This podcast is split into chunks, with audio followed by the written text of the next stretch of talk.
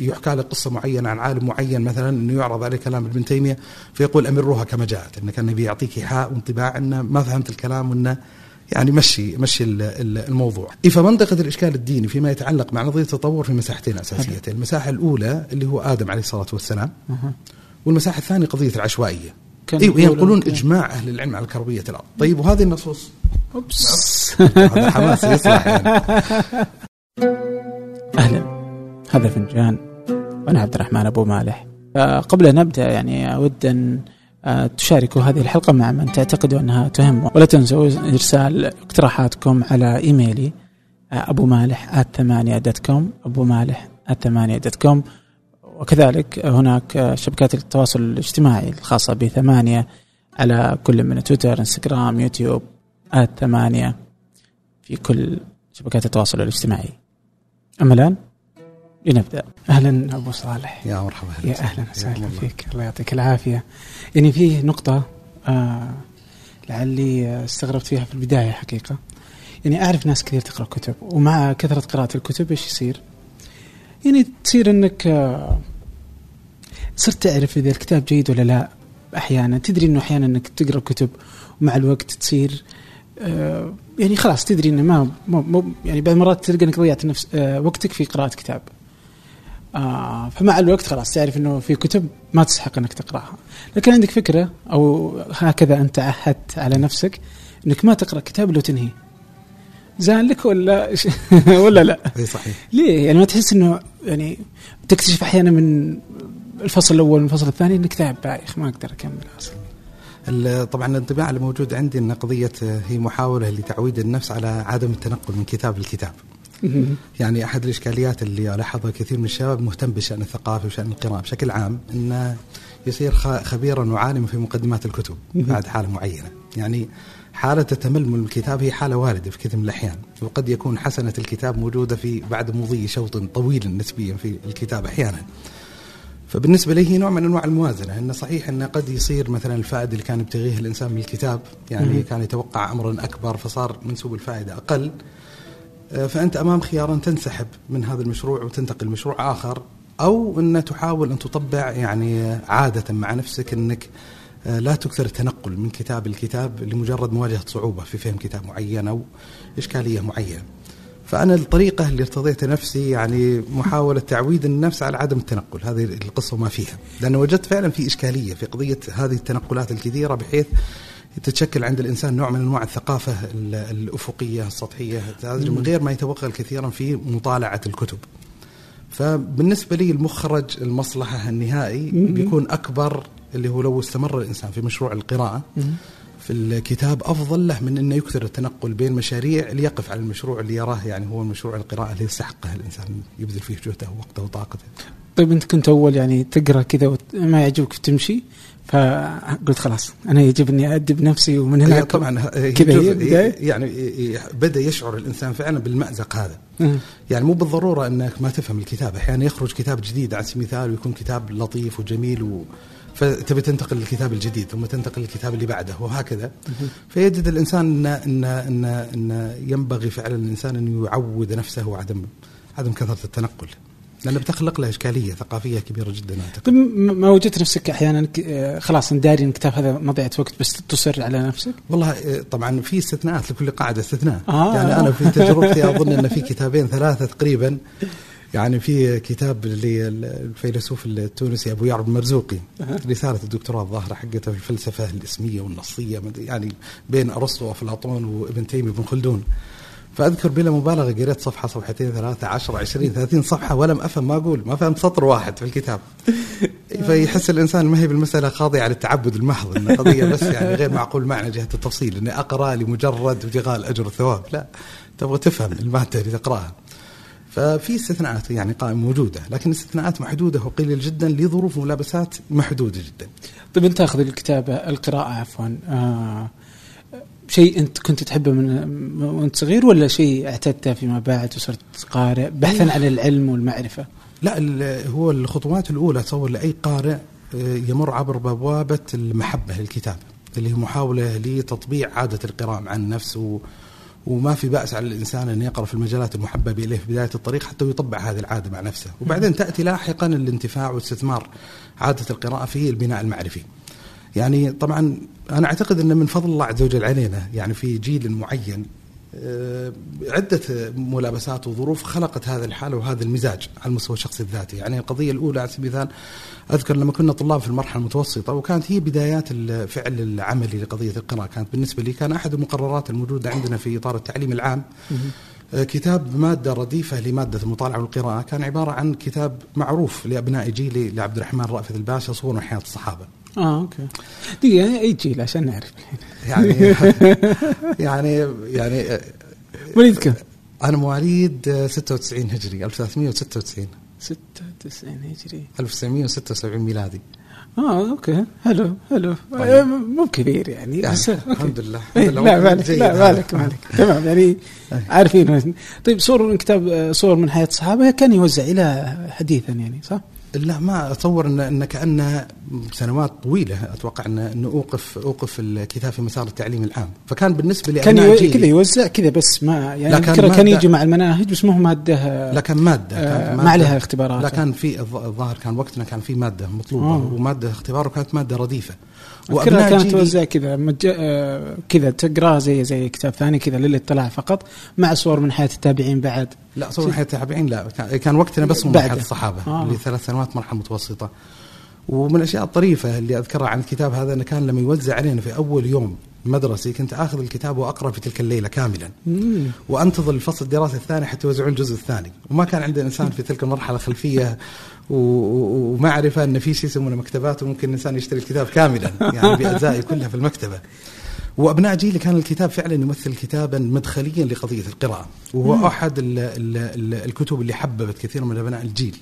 اللي اتكلم عن جيلي لقضية القراءة طبعا في قضية هو معطى أنا أعتقد أكثر عمقا وأكثر خطورة يعني في تكوين ملكة القراءة في يعني في ذلك الزمن مقارنة بالزمن الآن المعاصر وهي ثورة الاتصالات الحديثة الانترنت شبكات التواصل الاجتماعي وغيرها. يعني إحنا ال ال ال الأطر يعني خلينا نقول المشتته للانسان أو الأطر المرفهه للانسان كان محدودة لأبناء جيلي بشكل كبير جدا. يعني كان الانطباع السائد الموجود عندنا إذا ما كان الإنسان سيشغل نفسه في قضية القراءة فبماذا يشغل نفسه؟ كان هذا. هذا الهاجس اللي كان موجود عندنا وبالتالي يعني خياراتك محدودة والمشتتات والملهيات عن فعل القراءة كانت محدودة بشكل كبير جدا. صح. أنت الحين لا تتكلم تتكلم عن حالة غير مسبوقة فيما يتعلق بالقضية هذه. وما أظن يستطيع كثير من أبناء أو القاعدة الشبابية الآنية اللي عايشت أجواء شبكات التواصل الاجتماعي أن تتخيل المشهد قبل هذه اللحظة، العالم لم يكن كذلك. يعني. أنا يعني إحنا لما كنا مرحلة الجامعية الآن في بدايات المرحلة الجامعية ما كان عندنا إنترنت. إنترنت ليس موجودا، إنترنت يعني وفي أواخر المرحلة الجامعية بدينا قضية ال- الإنترنت. فبالنسبة لنا لما جات قضية الإنترنت لما جات مثلا ثورة شبكات التواصل الاجتماعي شكلت عندنا حالة من حالات الدهشة. دهشة الوافد الجديد، دهشة التغير، يعني أحد المصطلحات الغريبة والطريفة اللي قرأتها في أحد الكتب آه، آه، يعني مصطلح معبر نسبيا عن هذه الحالة digital native و digital immigrant digital. native المهاجر ال- ال- ال- المواطن الرقمي والمهاجر الرقمي. فأنا طبعا أعد نفسي المهاجر الرقمي يعني اللي جاي من جغرافي معينة وانتقلت لجغرافيا جديدة ولا زال الإنسان يعني عنده اللكنة لا زال لا زال عنده بعض الطباع الموجودة من الحالة الماضية القديمة وبدأ يستشعر فعلا حجم التغيرات الموجودة لكن أنت الحين تتكلم في قاعدة شبابية ممكن ممكن الآن دخلت المرحلة الجامعية وعت يعني على الدنيا واليوتيوب موجود في صح. في طبقة شبابية الآن تعتبر كبيرة نسبيا آه، ولدت بعد 11 سبتمبر صح. يعني في حين بالنسبة لي أنا 11 سبتمبر يعتبر حدثا يعني متاخرا يعني نسبيا في حياته واعي الإنسان بتفاصيل كثير ما يتعلق بهذا المشهد اي إيه، اللي يمكن ولد في 2001 اليوم 2001. عمره 18 تخرج من الثانوية أيوة، تخرج من؟ الثانوية إيه، هذا اللي آه. أقصده عجيب والله اي ففي يعني ال- ال- اللي اللي اللي الأبناء الجيل ذيك المشتتات كانت قليلة جدا وحتى لم يعانون من إشكالية ال- المشتتات وملهيات الوقت اللي قاعد تخلقها شبكات التواصل الاجتماعي. على الأقل عندنا قدر من الدهشة والاستغراب والاستنكار من الوضعية القائمة الموجوده لكن كثير من الشباب اليوم أزعم إنه مو بالضرورة عنده هذه اللحظة ما عنده هذا الشعور ما عنده هذا الهاجس. هل اللي اليوم طيب عندهم اطلاع على المعرفة و ممكن أساليب ثانية للقراءة مثلا المعرفة اللي ت... اليوم عبر الإنترنت كيف إنك تقدر تحصل على كل المعرفة اليوم بدال ما هو بس كتاب من آه، صور من حياة آه، الصحابة اللي اكتشفت فيما بعد في مكتبة. اليوم كل العالم أصبح يعني في جوالك. اليوم حتى الأطفال مثلا تلقاهم يقولون والله يا أخي أطفال اليوم مو طبيعيين يعرفون أكثر مننا. هل اليوم إنهم صاروا عندهم معرفة أفضل أو آه، مختلفة عن اللي كانت موجودة أول؟ فكلهم مثلين عندهم هذا المعرفة؟ وعندهم هذا الاطلاع عن عفوا مش معرفة. عندهم آه، اطلاع يعني معرفي مختلف عن آه، السابق ولا هذا مختلف؟ الكتب والمكتبات هي الأصل وهي اللي تعطيك مثلا شكل معين من المعرفة الحقيقية مثلا ممكن نأخذ إنها أفقية مش أفقية عميقة. مش أفقية إنك بس تعرف الأسطح من كل شيء. والله طبعا يعني قرب هذا بس طيب. طبعا اللي أتصور ان إن هل في تطور في مسارات معرفية معينة؟ نعم في موجود هذا إلى حد ما لكن بس وهل تغني حتى؟ اي ولكن هل تغني؟ لا أزعم أنها ما تغني، يعني أحد الإشكاليات أن تولد ثقافة مشتتة، ثقافة مبعثرة، ثقافة غير مترابطة صح التعبير، يعني يتابع الإنسان مثلا بوست في الفيسبوك، يتابع تغريدة في تويتر على سبيل المثال، اي فيقدر يتحصل على معلومة، لكن المعلومه يعني تمثل جزيرة معلوماتية يعني في خضم بحر هاج هائج منفصل معلوماتيا عن بقية المعلومات الأخرى، يعني ما يستطيع أن يسوي ما يقدر يكون تصور معروفين يتسم بقدر من التكامل فضلا عن العمق والمعرفة العمودية كما يقال. فبالعكس يعني اللي اللي في كتاب لطيف والعنوان حقه أظنه معبر يعني عن الإشكالية المعرفية اللي يعانيها كثير من القواعد الشبابية اليوم. عنوان الكتاب The Shallows The Shallows يعني يستطيع إنسان إنه يفسرها ويترجمها إلى السطحيون السطحيون أو الخاوون أو الفارغون. والعنوان الفرعي الكتاب ان إن كيف تؤثر الإنترنت على عقولنا. اي فتقرأ الحين وطبعا يعقد فصول سواء في شبكات التواصل الاجتماعي جوجل كيف قاعد يأثر علينا معرفيا. مم. يعني في معطيات كثيرة جدا. يعني الأبناء الجيل الآن عندهم معرفة بتقنيات الوصول للمعلومة بشكل جيد. مم. يعني أول لما يخطر في بال أي إنسان حتى في مسألة دينية شرعية مباشرة يذهب للشيخ جوجل يستفتيه في هذه القضية ويدخل معلومة. المشكلة مثلا ان إن إذا استطعت إقناع الإنسان بسهولة الوصول للمعلومة ترى حجم تشبث بالمعلومة وإدراك المعلومة ذاتها يكون ضعيف وقليل. وهذا في ضوء دراسات وأبحاث متعددة وكثيرة جدا. يكون عند الإنسان ملكة الوصول للمعلومة مدركة بالنسبة له لكن المعلومة ذاتها مو بالضرورة تكون مدركة له. فأتصور ان ان إن في إشكاليات معرفية كثيرة جدا. يعني مثلا كتاب ذا شارلز من الأفكار الطريفة اللي ذكرها في الكتاب ان ان إن قضية المخاطبة الشفهية تعلم اللغة هي هي مكون فطري موجود عند الإنسان. يعني لا أحد منا يتذكر اللحظة اللي تعلم فيها النطق بالكلمات. يتذكر طبعا في طفولته بس ما يتذكر إن كيف تشكلت هذه الملكة بنفسها. وهي قضية يعني متداخلة مع معطيات فطرية موجودة عند الإنسان لكن ملكة الكتابة ملكة القراءة ليست فعلا آه، فطريه لا تحتاج إلى إلى إلى إلى تقنيات تعليمية معينة حتى يتوصل الإنسان إلى تملك مثل هذه المهارة. ف احد الأشياء اللي اللي قاعد تسبب لنا نوع من أنواع الإشكال فيما يتعلق بها الفضاء شبكات التواصل والإنترنت وغيرها انها قاعد تحرم البشرية شيئا فشيئا شيئا مما يتعلق بهذه الملكة، يعني من المعطيات الطريفة اللي في هذا السياق. لما يعني يرجعون في بداية التاريخ في قضية فعل الكتابة فيقول لك أن كانوا يكتبون الكلمات متصلة من غير وجود فراغات. فكان الإنسان من أجل يقرأ خلينا نقول ورقة معينة أو يقرأ مقالة معينة مضطر إنه يقرأها بصوت مرتفع حتى يستطيع إنه يدرك تصدي الكلمات الموجودة. جيد. ثم اكتشفت لاحقا قضية الفراغات الموجودة بين الكلمات. طبعا الفراغات هذه أتاحت للبشرية فرصة أنه يقرأ قراءة كما يقال بصرية أنه يبدأ بشكل صامت ويطالع الكلام ويستطيع أنه يدرك الكلمات منفردة. ميزة هذه العملية أن استطاع الإنسان من خلالها أن يطور كفاءته في الكتاب بحيث أن بدل ما يكتب مقالات محدودة الصفحات صار يستطيع الانتقال لفضاء الكتابات ومجلدات كبيرة لأن حجم الوقت اللي يحتاجه الإنسان في قضية القراءة صار صار أخصر بكثير جدا من الوضعية اللي كانت موجودة سابقا. فانتقلت البشرية لحيز قراءة كما يقال المطولات والكتب. الآن كثير من المؤلفين مهتمين بقضية المعرفة وقضية القراءة. يقول أحد الإشكاليات العميقة اللي قاعد تخلقها فضاء الإنترنت والشبكات التواصل الاجتماعي وكذا إنها قاعدة قاعدة قاعدة تأخذ شيئا فشيئا من هذا الإنجاز البشري في قضية ملكة التعلم القراءة. وأن ما عاد عند الإنسان ذاك الطاقة الكبيرة اللي يستطيع يبذلها الإنسان من أجل أنه يقرأ يعني خلينا نقول حزمة يعني كتابا مطولا أو حزمة مجلدات من الكتب. بل حتى يعني تجد دراسات معينة يقول لك ان إن عمليا الإنسان لما يقرأ في فضاء الإنترنت عبر الشاشة أو عبر الجوال فإنه لا يمارس فعل القراءة عمليا إنما يتصفح تصفحا. يعني حتى حركة العين يقول لك إن في حركة في قضية القراءة من الكتاب الورقي يقيمون حركة العين لما يقرأ من الشاشة فيقول لك أنه يقرأ الإنسان أشبه حرف الأف يعني يمر على السطر الأول وبعدين فجأة ينتقل إلى عدة أسطر ينتقل بعدين ينتقل بعدين يقلب الصفحة اللي بعدها. فقاعد يتصفح المسألة هذه. يعني نصور أن كلها يعني قضايا تحتاج لنوع من أنواع الملاحظة والإدراك فيما يتعلق بقضية المعرفة بشكل عام أو ما يتعلق بخصوص قضية القراءة. هو فعلا أنا متفق في مسألة آه، يعني إنه في دراسات برضو كثيرة اللي اليوم تثبت برضو بعض المرات حتى الكتب الإلكترونية. طبعا التقنية تتيح اليوم للعلم والعلماء أنهم يقدرون يعرفون أصلا العين كيف تتحرك كذا خصوصا في الكتب الإلكترونية أكثر يعني بس إنه برضه هذا لا يحد يعني حتى الورقية يقدرون يعرفون العين وين تقع على الكتب وكيف يتفاعلون معها. في دراسة ظهر إنه كانوا يبون يقيسون ما مدى آه إنه القارئ يتذكر من الكتاب. لقوا إنه الكتب الورقية مقارنة بالكتب الإلكترونية فقط يعني إيه. ليس آه، تويتر لا نفس الكتاب ذات الكتاب اللهم الفرق إيش؟ انه كتاب ورقي هذا وكان الورقي أكثر بس ما أدري يعني إذا كانت إنه إنه إحنا تعودنا ف يعني في ناس اللي تحب هذا بس اللي بينشأ على إنه إلكتروني بيكون نفس الشيء ما أدري. والله هم طبعا يقدمون أحيانا مبررات ومسببات. يقول لك مجرد وجود ال hypertext اللي هي قضية اللي يضغط اللينكات الموجودة. يعني لما تقرأ كتابه ورقيه ما في فكرة تشتيت يعني خلينا نقول استمراريه في قضية القراءة عبر إعطاء خيار الاستمرار أو الانتقال لصفحه جديدة.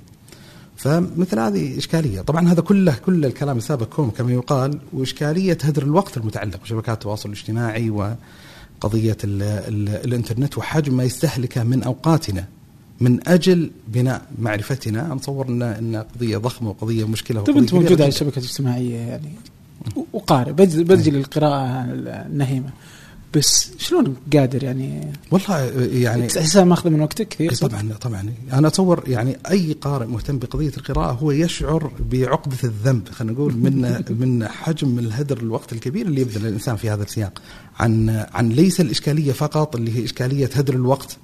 لا الإشكال إن إن إن في جهات معينة مترصدة من أجل تستبقيك في هذا الفضاء أكبر مدة زمنية ممكنة. يعني أحد الإفرازات المرتهنة للحاله الرأسمالية إن بقاء الشخص على الإنترنت مدة أطول يعني مدخولات مالية أكبر آه، وبالتالي في خوارزميات وفي شغل حقيقي مما يتعلق بهذه القضية. كلهم دون استثناء يعني. بل حتى بل, بل من الأشياء الغريبة يتكلمون عن ظواهر يعني ما ليش اعبر عنها لا إنسانية حولها غريبة بشرية وإنسانية. يعني مثلا في الفعاليات الإنسانية اليومية في مشاريع الإنسان الحياتية في شيء يسمونه stop cue stop cue يعني أشبه الفواصل النهائية يعني لما تقرأ كتاب معين عندك جلدة تبدأ تقرأ تقرأ بعدين سترتطم بنهاية الكتاب خلاص يعني فكثير من مشاريعك وأنشطتك الحياتية كأن في سنة إلهية ناظمة للحياة تقول لك ترى هذه لحظة البداية ثم توصل للحظه النهاية. أه، افتراضيا في شبكات التواصل الاجتماعي لا ترتطم بلحظة النهاية. يعني لو لو زاد عدد متابعينك مثلا في في تويتر على سبيل المثال عن رقم معين ف virtually يتكلمون إن افتراضيا يمكن لل timeline إنه يستمر يستمر يستمر يستمر إلى ما لا نهاية. فعلا يا. وهذا هو اللي يخلق يعني جزءا من عدم الشعور بهدر الوقت الشديد الموجود.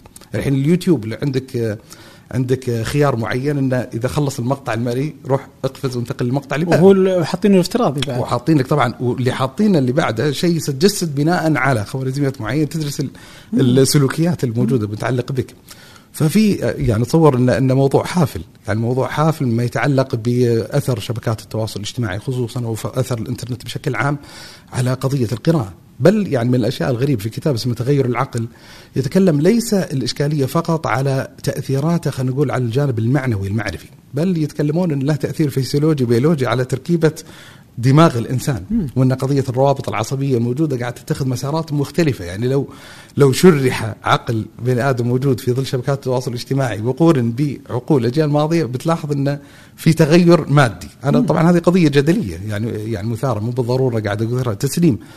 بس أن بدأت المسألة تأخذ إلى هذا الحد أن المسألة ليست متأثرة بجوانب معنوية متعلقة بالإنسان حتى متأثرة بجوانب يعني مادية. فهي قضية يعني جزء من الكلام ليس محاولة لتخليق حالة إحباط يعني آه، لشبكة التواصل الاجتماعي. وأظن أن ليس في المقدور آه، إعادة عقارب الساعة كما يقال الوراء لكن من المهم أن يثار هذه القضية، من المهم جدا أن يثار هذا الملف، من المهم جدا ألا نرضخ لسطوة ال ال ال ال وحالة الفتنة اللي قاعد تخلقها شبكات التواصل الاجتماعي. و اللي أزعمه أن لو وازن الإنسان بين المصالح والمفاسد متعلقة عن مستوى المعرفة الجادة فقطعا المسألة تحتاج إلى نوع من أنواع المعايرة حتى يستطيع الإنسان فعلا أن يبني بناء معرفي لنفسه بشكل أجود. مؤلم في المشهد هذا أن حجم المنتج المعرفي المتعلق بدراسة هذه الظاهرة في الوطن العربي ضعيف ومحدود جدا. جدا جدا. يعني يؤلمني إن إن يعني لا يبالغ الإنسان إذا ما قال إذا قال إن في عشرات بل مؤلفات الكتب في دراسة هذه الظاهرة، في مقاطع في اليوتيوب بالهبل كما يقال. في معالجة هذه الإشكالية على الاقل والتنبيه إليها بالفضاء الغربي، لكن حجم المنتج العربي ليس خلينا نقول المؤلف ابتداء. أحيانا بحجم المترجم من ذلك الفضاء إلى الفضاء العربي يعتبر لا زال محدودا. فعلى الأقل يثار يثار هذا الملف. مثلا من المحاضرات الجميلة واللي ممكن يعني يسربها الإنسان للمتلقين لمعالج بعض الجوانب المتعلقه محاضرة للصديق الشيخ عبد الله الوهيبي عن المعرفة والقراءة في زمن شبكات التواصل الاجتماعي. موجودة في اليوتيوب. محاضرة تقدم خلاصات حقيقة مهمة فيما يتعلق بهذا بهذه المسألة.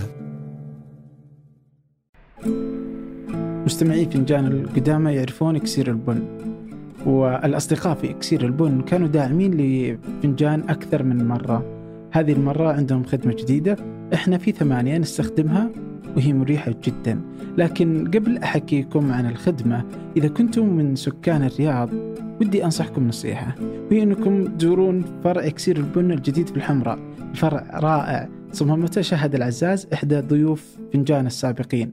كنا في ثمانية في هذه الخدمة من أوائل الناس المشتركين فيها. هي اشتراك شهري عبر المتجر الإلكتروني تصلك نكهتين مختلفتين من البن كل شهر. شهر من السلفادور وكينيا شهر ثاني من إثيوبيا واليمن ولا تتعب نفسك وتحتار وتختار. اشترك مرة واحدة واستمتع بالقهوة تصلك أينما كنت في السعودية أو خارج السعودية. الاشتراك في الخدمة متوفر عن طريق موقعهم إكسيرالبون إكسيرالبون دوت كوم أو ابحث في جوجل اكسير البن راح يكونون في أول النتائج. وي آه سواء اشتركت في الخدمة أو لا إذا رحت الفرع اهمس في إذن الساقي فنجان يمكن يعطونك قهوة ببلاش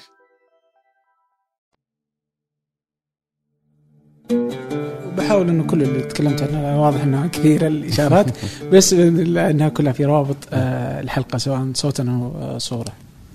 آه وعلى هذه برضو إنه يعني تندرج الأخلاق. يعني أنت تتذكر يعني كذا الذكاء الاصطناعي اليوم الشركات جالسة تبغى تحط أخلاق له. كيف يحكم على إنه هذا صح ولا هذا خطأ؟ آه لما يطردونك من تويتر ولا يطردونك من هذه أبسط أشياء مثلا تسويها الذكاء الاصطناعي طريفه تذكر المؤتمر جوجل الأخير لما طلع العام الماضي جوجل assistant إيه، لما جوجل إيه؟ لما لما أجر اتصالا هاتفيا بمطعم من أجل يحجز لك. فبدأوا يتكلمون عن الجانب الأخلاقي انه كيف يصير بشر ما يدري إن الطرف اللي قاعد يتصل عليه ليس إنسانا. صح. ليس انسان مخيف. أنا بحط المقطع يعني مخيف قديش إنه هذاك ما كان يدري إنه آلة اللي يتكلم. إيه، ما يدري بعد. لا الآلة شو يقول؟ يقول لما قال له طيب آه، ما موجود الوقت الفلاني والوقت الفلاني فيقول له يعني يعني زين قاعد يعطيه إيهام إن أنا إنسان وبشر. حتى يعني أعلنوا على الأقل جوجل إعلان. وما تدري عاد مدى تحقق هذا الإعلان. من عدم أن سيلتزمون اخلاقيا بأن يعلن يعني خلينا نقول جوجل assistant المساعد جوجل يعني في اللحظة الأولى من جراء اتصال أنه يعني ليس إنسان وإنه إنه مجرد ولما يحكم على هذه الأشياء هل الأخلاق اللي يعني من يحدد أن هذا صح وهذا خطأ؟ هل هو جوجل؟ طبعا. طيب طيب ماذا عن اللي الثقافات الأخرى؟ ليس بالضرورة مثلا إنه إحنا مثلا الثقافة العربية ولا الثقافة الإسلامية برضو حتى اليابان وغيرها روسيا يعني من من يقرر إنه هذا صح هذا خطأ؟ هذا معيار مسموح فيه عمر 18 ولا هذا 21 ولا هذا 12 وانت ماشي يعني شوف في كل مكان يعني. لا هو السؤالات الأخ... يعني. هو السؤالات الأخلاقية اللي قاعد تفرضها المشهد التقني المعاصر متعدد وكثيرة. يعني مثلا في قضية الذكاء الاصطناعي وتأثيراته في قيادة السيارة. يعني إحنا مقبلين على زمان يعني بحمد الله عز وجل. يعني بيرتاح الإنسان تربط بموضوع القراءة. يعني من من من أكثر اللقطات بالنسبة لي تقنيا أتشوفها اللي لحظه إني أستطيع إني أركب السيارة وأقعد أقرأ وغير مهتم وعابئ بموضوع إيه. قيادة سيارتي، لكن يتكلمون عن مستوى الأخلاق إن الآن اخلاقيا المفترض السيارة لما يتم برمجتها يعني في ضوء الذكاء الاصطناعي تحافظ على سلامة ركابها ولا تحافظ على سلامة من هو خارج سيارة إذا حصل حالة التعارض اسئله فلسفية إيه، ففي في اشكاليات أخلاقية متعددة كثير جدا. طيب واضح إنك مهتم مره بالتقنية. بسأل أصلا شلون؟ بس قبلها يعني في كت... في قراءات برضو لك يعني. يعني والله يعني ما شاء الله عليك يعني جامع ما بين يعني آه شكل من المعرفة يعني. آه إنك قرأت كتب ابن تيمية وهي صعبة يعني. أنا أدري إنه أو خليني أسأل يعني. آه كم من الناس اللي تعتقد إنهم درسوا؟ حتى ممكن أخذوا في الماجستير أو شيء زي كذا بس إنه ما قرأ كل كتب ابن تيمية وهو يدرس مثلا في العقيدة ولا في والله النسبة طبعا موجودة. طبعا هو في مسار علمي معين يتدرج فيه الإنسان. أظن إذا إذا تدرج التدرج وأخذ السلم كما يقال من طريقة سيصفي إلى لحظة معينة يستطيع الإنسان أن يقرأ في مثل هذه المطولات والكتب. يعني أنا على المستوى الشخصي تكوين العلمي الأولي كما يقال يعني طالب علم يعني مهتم بالعلوم الشرعية والمعرفة الدينية الشرعية. وبداية الاهتمام بهذا الملف مبكرة في حياتي نسبيا. يعني كان في المرحلة المتوسطة هو بداية لحظة التواصل مع المشايخ وحضور الدروس العلمية وقضية اقتناء الكتب. يعني أنا أذكر الآن تماما أول كتاب اقتنيته ووضعته في مكتبتي كان كتاب عنوانه أشراط الساعة. مم. رسالة ماجستير أو دكتوراه للدكتور يوسف الوابل. يعني مجلد في أشراط الساعة. وأذكر تماما كنت طالب في المرحلة المتوسطة ان أن أحد الأعراف الاجتماعية الموجودة عندنا في المملكة في العيد اللي قضية المعايدة إنه يعطونك الأهل والقرابات فلوس. فأذكر اني جمعت مبلغ من مال معين وذهبت إلى أحد المكتبات المحلية عند المنطقة الشرقية. وكنت أبغى أشتري كتاب بعنوان البداية والنهاية لحافظ بن كثير. كتاب في التاريخ مشهور جدا.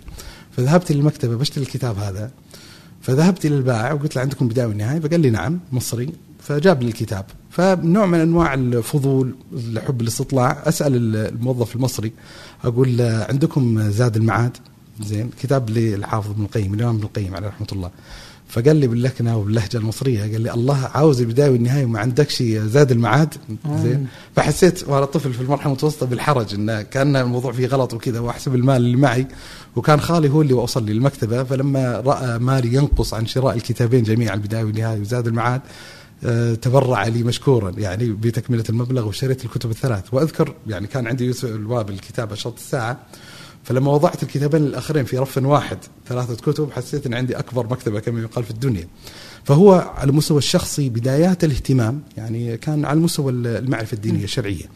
وبعدين بدأ يهتم الإنسان ان صح التعبير بالإطار الفكري بشكل عام وهذا يخلق الإنسان نوع من أنواع الاحتياج والاضطرار ان يتمدد في مساحات آه، خارج النسيج كما يقال الشرعي يعني آه، ضرورة. وبدأ يعني يتعاطى الإنسان مع ملفات ثقافية قد لا تكون حتى مقتربة من المجال الفكري بشكل عام. يعني سواء آه، يعني نوع من أنواع التسلية يعني فضول أحيانا استطلاع. ومما أكرم الله عز وجل يعني قضية اللغة الإنجليزية يعني قراءة. آه، لأن اللي يستطيع القراءة باللغة الإنجليزية يعني ستنفتح, ستنفتح له كما يقال مجالات معرفية هائلة وكبيرة جدا. ومهم الثقافات ومهم يعني خلينا نقول اللغات الأخرى سيترجم إن كان مهما إلى اللغة الإنجليزية. ف فهذا أحد الجوانب شخصيتي. طبعا على مستوى الدراسة الأكاديمية آه، أنا خريج المرحلة الثانوية تخصص علمي.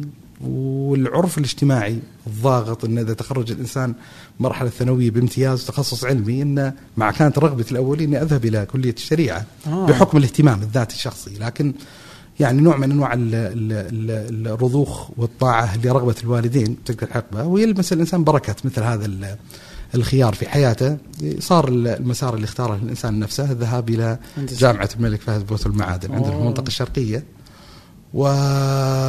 واحد المجالات اللي كانت محببة إلي غير المجال الشرعي لما كنت قبل مرحلة الطفولة. إحنا طبعا الحين في في أجواء ال PlayStation وغيرها كنا إحنا الأتاري وال يعني عندنا عندنا ألعابنا يعني كما يقال يعني أذكر طفلا لما كان الوالد مبتعث في أمريكا أول لعبة يعني اقتنيها لعبة إلكترونية معينة كان عبارة عن خطين خط يمين وخط يسار وبينهم كرة. طق دك يعني هذه ف يعني لما دخلت الجامعة في تخصصات يعني سواء كلية العلوم، كلية الهندسة، كلية الحاسب الآلي، كلية الإدارة.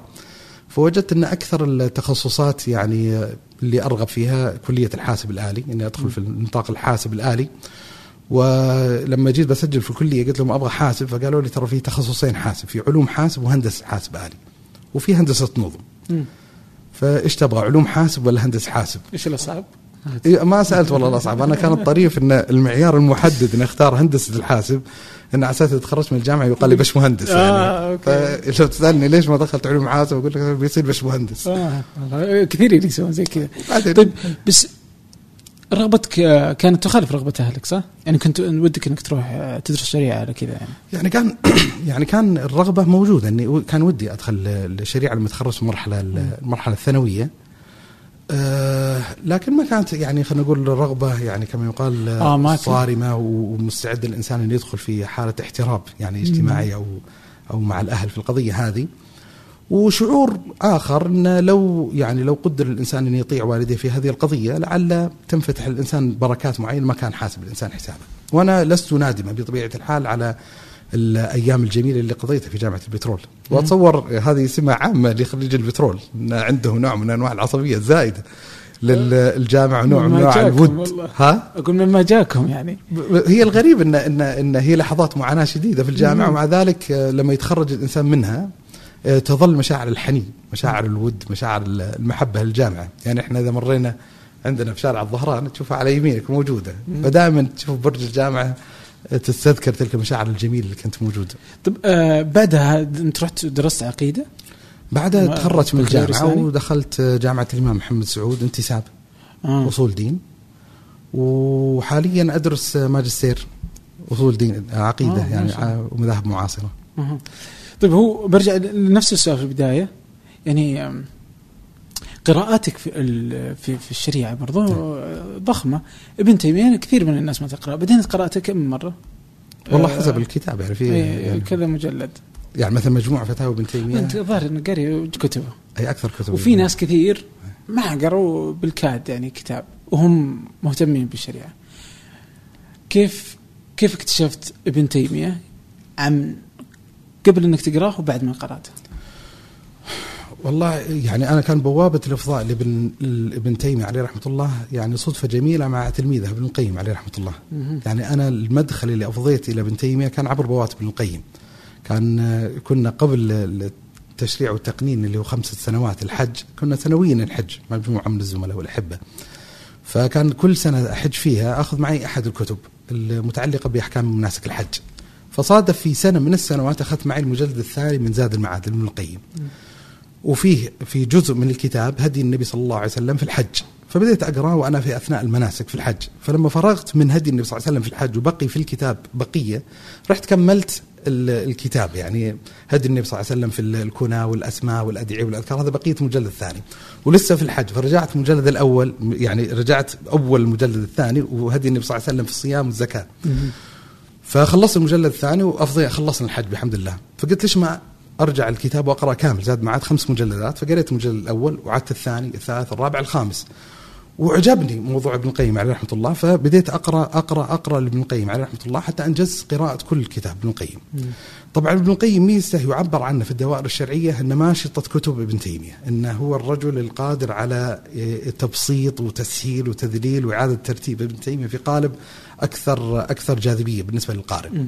فلما فرغت مشروع ابن القيم كان بالنسبة لي المشروع ال- ال- الطبيعي اللي سيفضي الإنسان بعده من ابن القيم اللي هو مشروع ابن تيمية عليه رحمة الله تبارك وتعالى. وفعلا انتقل الإنسان إلى إلى قراءة ابن تيمية يعني وبدأ يقرأ سواء الرسائل والكتب الموجودة في مجموع الفتاوى كتاب ضخم وكبير 37 مجلد 35 مجلد آه، هي عبارة عن رسائل المجلدين الاخير من فهارس وبعدين انتقل الإنسان إلى بقية كتب منهاج السنة النبوية تسعة مجلدات ثمانية التاسع فهارس آه، درء تعارض العقل والنقل كتاب كبير آه، بعد خروج يعني يعني سنوات قريبة مش يعني بعيدة بيان تلبيس الجهمية كذلك كتاب كبير. فالشاهد انه هذه رحلتي شيئا ما فيما يتعلق ب يعني وزي ما ذكرت يعني في بداية الكلام إن إن إن بالنسبة لي ما كان هاجس يعني في ذهني انه أريد إنجاز هذا المشروع في أسرع مدة زمنية ممكنة، كان الهاجس انه يبني الإنسان نفسه معرفيا ويتكون الإنسان بحيث لما يفضي الإنسان للنقطة المناسبة عمريا إنه يفضي لهذا الفضاء المعرفي سيكون مؤهلا بأدوات معينة يفهم منها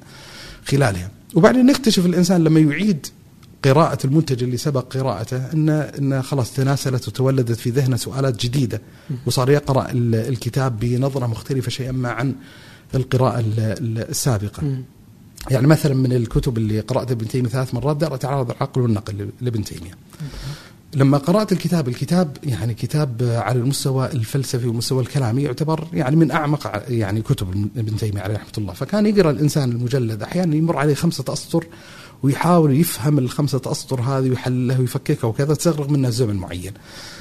ففعلا استوعبت معاني كثيرة في الكتاب لكن كان الشعار الشعور اللي اللي اللي اللي واجهني إن الكتاب مبعثر جسديا إن كأن ابن تيمية على طريقته صاحب استطرادات وذهاب وإياب وكذا وإن الكتاب لا ينظمه خيط الناظم يعني هو الكتاب يجاوب على سؤال كبير في البحث العقدي والبحث الفلسفي سؤال العقل والنقل وما الذي يقدم منهما في حالة التعارض. فكان الشعور الموجود عندي إن إن يمكن ثلثين أو ثلاث أرباع المجلد الأول هو جواب على سؤال العقل والنقل. أما بقية التسعه مجلدات فأنا بيحسن الظن في ابن تيمية هي عبارة عن عن معالجة للآثار والتداعيات اللي ولدها الإشكاليات العقدية في مقولة وجواب سؤال العقل والنقل. لأن ما كان شاعر ان في خيط ناظم. قرأت الكتاب مرة ثانية ونفس الشعور كان لما قرأت الكتاب مرة ثالثة لا تنبهت إلى الخيط الناظم الكتاب. لأن في البدايات كان الإنسان مركز على جزئيات الكتاب ويستغرق مدة زمنية طويلة وغفل بسبب التركيز على الفقرات الجزئية التفصيلية عن كما يقال المشهد الكلي الكتاب. فالقراءة الثالثة لما حصل الإنسان لا ما صار يتوقف كثيرا عند التفاصيل الجزئية لأنه صار مدركا من خلال القراءة الأولى والقراءة الثانية صار يقدر يرسم الصورة الكبرى المتعلقة بالكتاب. فصار عندي شعور لا أستطيع إني أربط المجلد الثاني بالأول الثالث بالثاني والخيط الناظم يعني بات واضحا كما يقال في ذهني. فالشاهد ان إن كفاءة الإنسان أصلا في استيعاب وفهم ابن تيمية تتطور في أثناء الطريق، يعني كل ما تطور الإنسان معرفيا يعني في نوع من أنواع العلاقة الجدلية أو الطردية، كل ما تحسن الإنسان معرفيا يصير قدرته على القراءة والتفاعل مع المادة المقروءة أجود وكل ما كان قراءته أجود ستؤثر ايجابا في بناء المعرفة. ليش دائما ابن تيمية صعب؟ والله مو يعني طبعا يعني في الدوائر الاختصاصيه يعني دائما كذا انه الناس تجي تقول إنه ما يعني صعب جدا قراءة ابن تيمية. هذا انت صعبته. ثلاث مرات حتى إنك بدأت تعرف بالضبط ماذا طبعا هو هو تقييم صراحة يعني حتى نكون مكاشفين الناس تحاشى كثير قراءته لأنه ما يفهمونه. صح؟ يعني أذكر واحد كذا إنه برضه إنه من شدة هوله إنه يقول ما فهمت شيء. طبعا وجهة نظري انه لابد يخوض الإنسان التجربة قبل ما يطلق حكما. يعني أحد إشكالياتنا في نوع من أنواع التخويف والترهيب يعني من بعض الأعلام أو بعض الكتابات المعينه يعني في تخليق شعور يعني مثلا يحكى لك قصة معينة عن عالم معين مثلا إنه يعرض عليه كلام ابن تيمية فيقول امروها كما جاءت انه كان يعطيك إيحاء وانطباع إنه ما فهمت الكلام وإنه يعني مشي مشي الموضوع. أو يتم التخويف إن أقرأ كتاب فلان ابن تيمية منهاج السنة لكن تجنب قراءة المجلد الأول. فبالنسبه لي يعني أحد الأدوات العلاجية أنه لا يتخوف الإنسان قبل ما يخوض التجربة هذا رقم واحد. أنه ضروري الإنسان أنه يبني حكما بناء على عندياته. المعطى الثاني ترى تصنيف ابن تيمية. أنا وجهة نظري وقناعتي في المستوى الفلسفي يعني في طبيعة صعوبة اللغة الفلسفية ترى ابن تيمية متوسط اللغة فيما يتعلق بهذا. يعني لو قرأ الإنسان مثلا لابن سينا على سبيل المثال أو الفارابي أو لا بيجد اللغة يعني خلينا نقول الصعبة حقيقة. سيجد الإنسان نوع من أنواع العك والدعك يعني في الموضوع بما هو أصعب بكثير. ابن تيمية بالعكس على المستوى الفلسفي والصياغة الفلسفية يعتبر مسهل ومبسط فلسفيا بالمقارنة ب كثير من الكتابات الفلسفية الأخرى. وزي ما قلت هو القصة وما فيها ما هو المستوى المعرفي اللي وصل له الإنسان. وتملك أدوات معينة حتى يستطيع الإفضاء إلى معرفي فلسفي ديني أيوة يعني شرعي ولا لغوي؟ يعني أعطي مثال. يعني, يعني هل برضه أحيانا هل اللغة ولا طبعا الفهم اللغوي اللغوي إذا كان المقصود اللغوي بالذات في الإطار الفلسفي الفهم الاصطلاحي مم. يعني هو الإشكالية دائما اللي يصادفها الإنسان في في الأبحاث الفلسفية اللي هي ليست اللغة يعني العربية من حيث اللغة العربية بقدر ما في آه، ألفاظ مصطلحية معينة قد يصعب على الإنسان. وفي النهاية هي مسألة تخصصية. يعني لو أراد الإنسان يقرأ مطولات كتابات ابن تيمية عليه رحمة الله مثل درء التعارض أو بيان تلبيس الجميع هذه مطولاتها العقدية. فوجهة نظري لابد انه يبني بناء عقديا جيدا يعني في في خارطة طريق كما كما يقال لفهم العقيدة اللي رسم ملامحها ابن تيمية عليه رحمة الله. يعني الواسطية كتاب الحموية ينتهي الإنسان لكتاب التدمرية هذه مثلا مشاريع ابن تيمية الأولية في الكتاب العقدية. لابد بعدين الإنسان إنه يكون عنده نوع من أنواع الدراية والالمام الجيد بالمدارس الكلامية بالمدارس الفلسفية على سبيل المثال. لأن في المطولات ابن تيمية العقديه هو ساحة الجدل وساحة السجال الموجودة على هذا المستويين.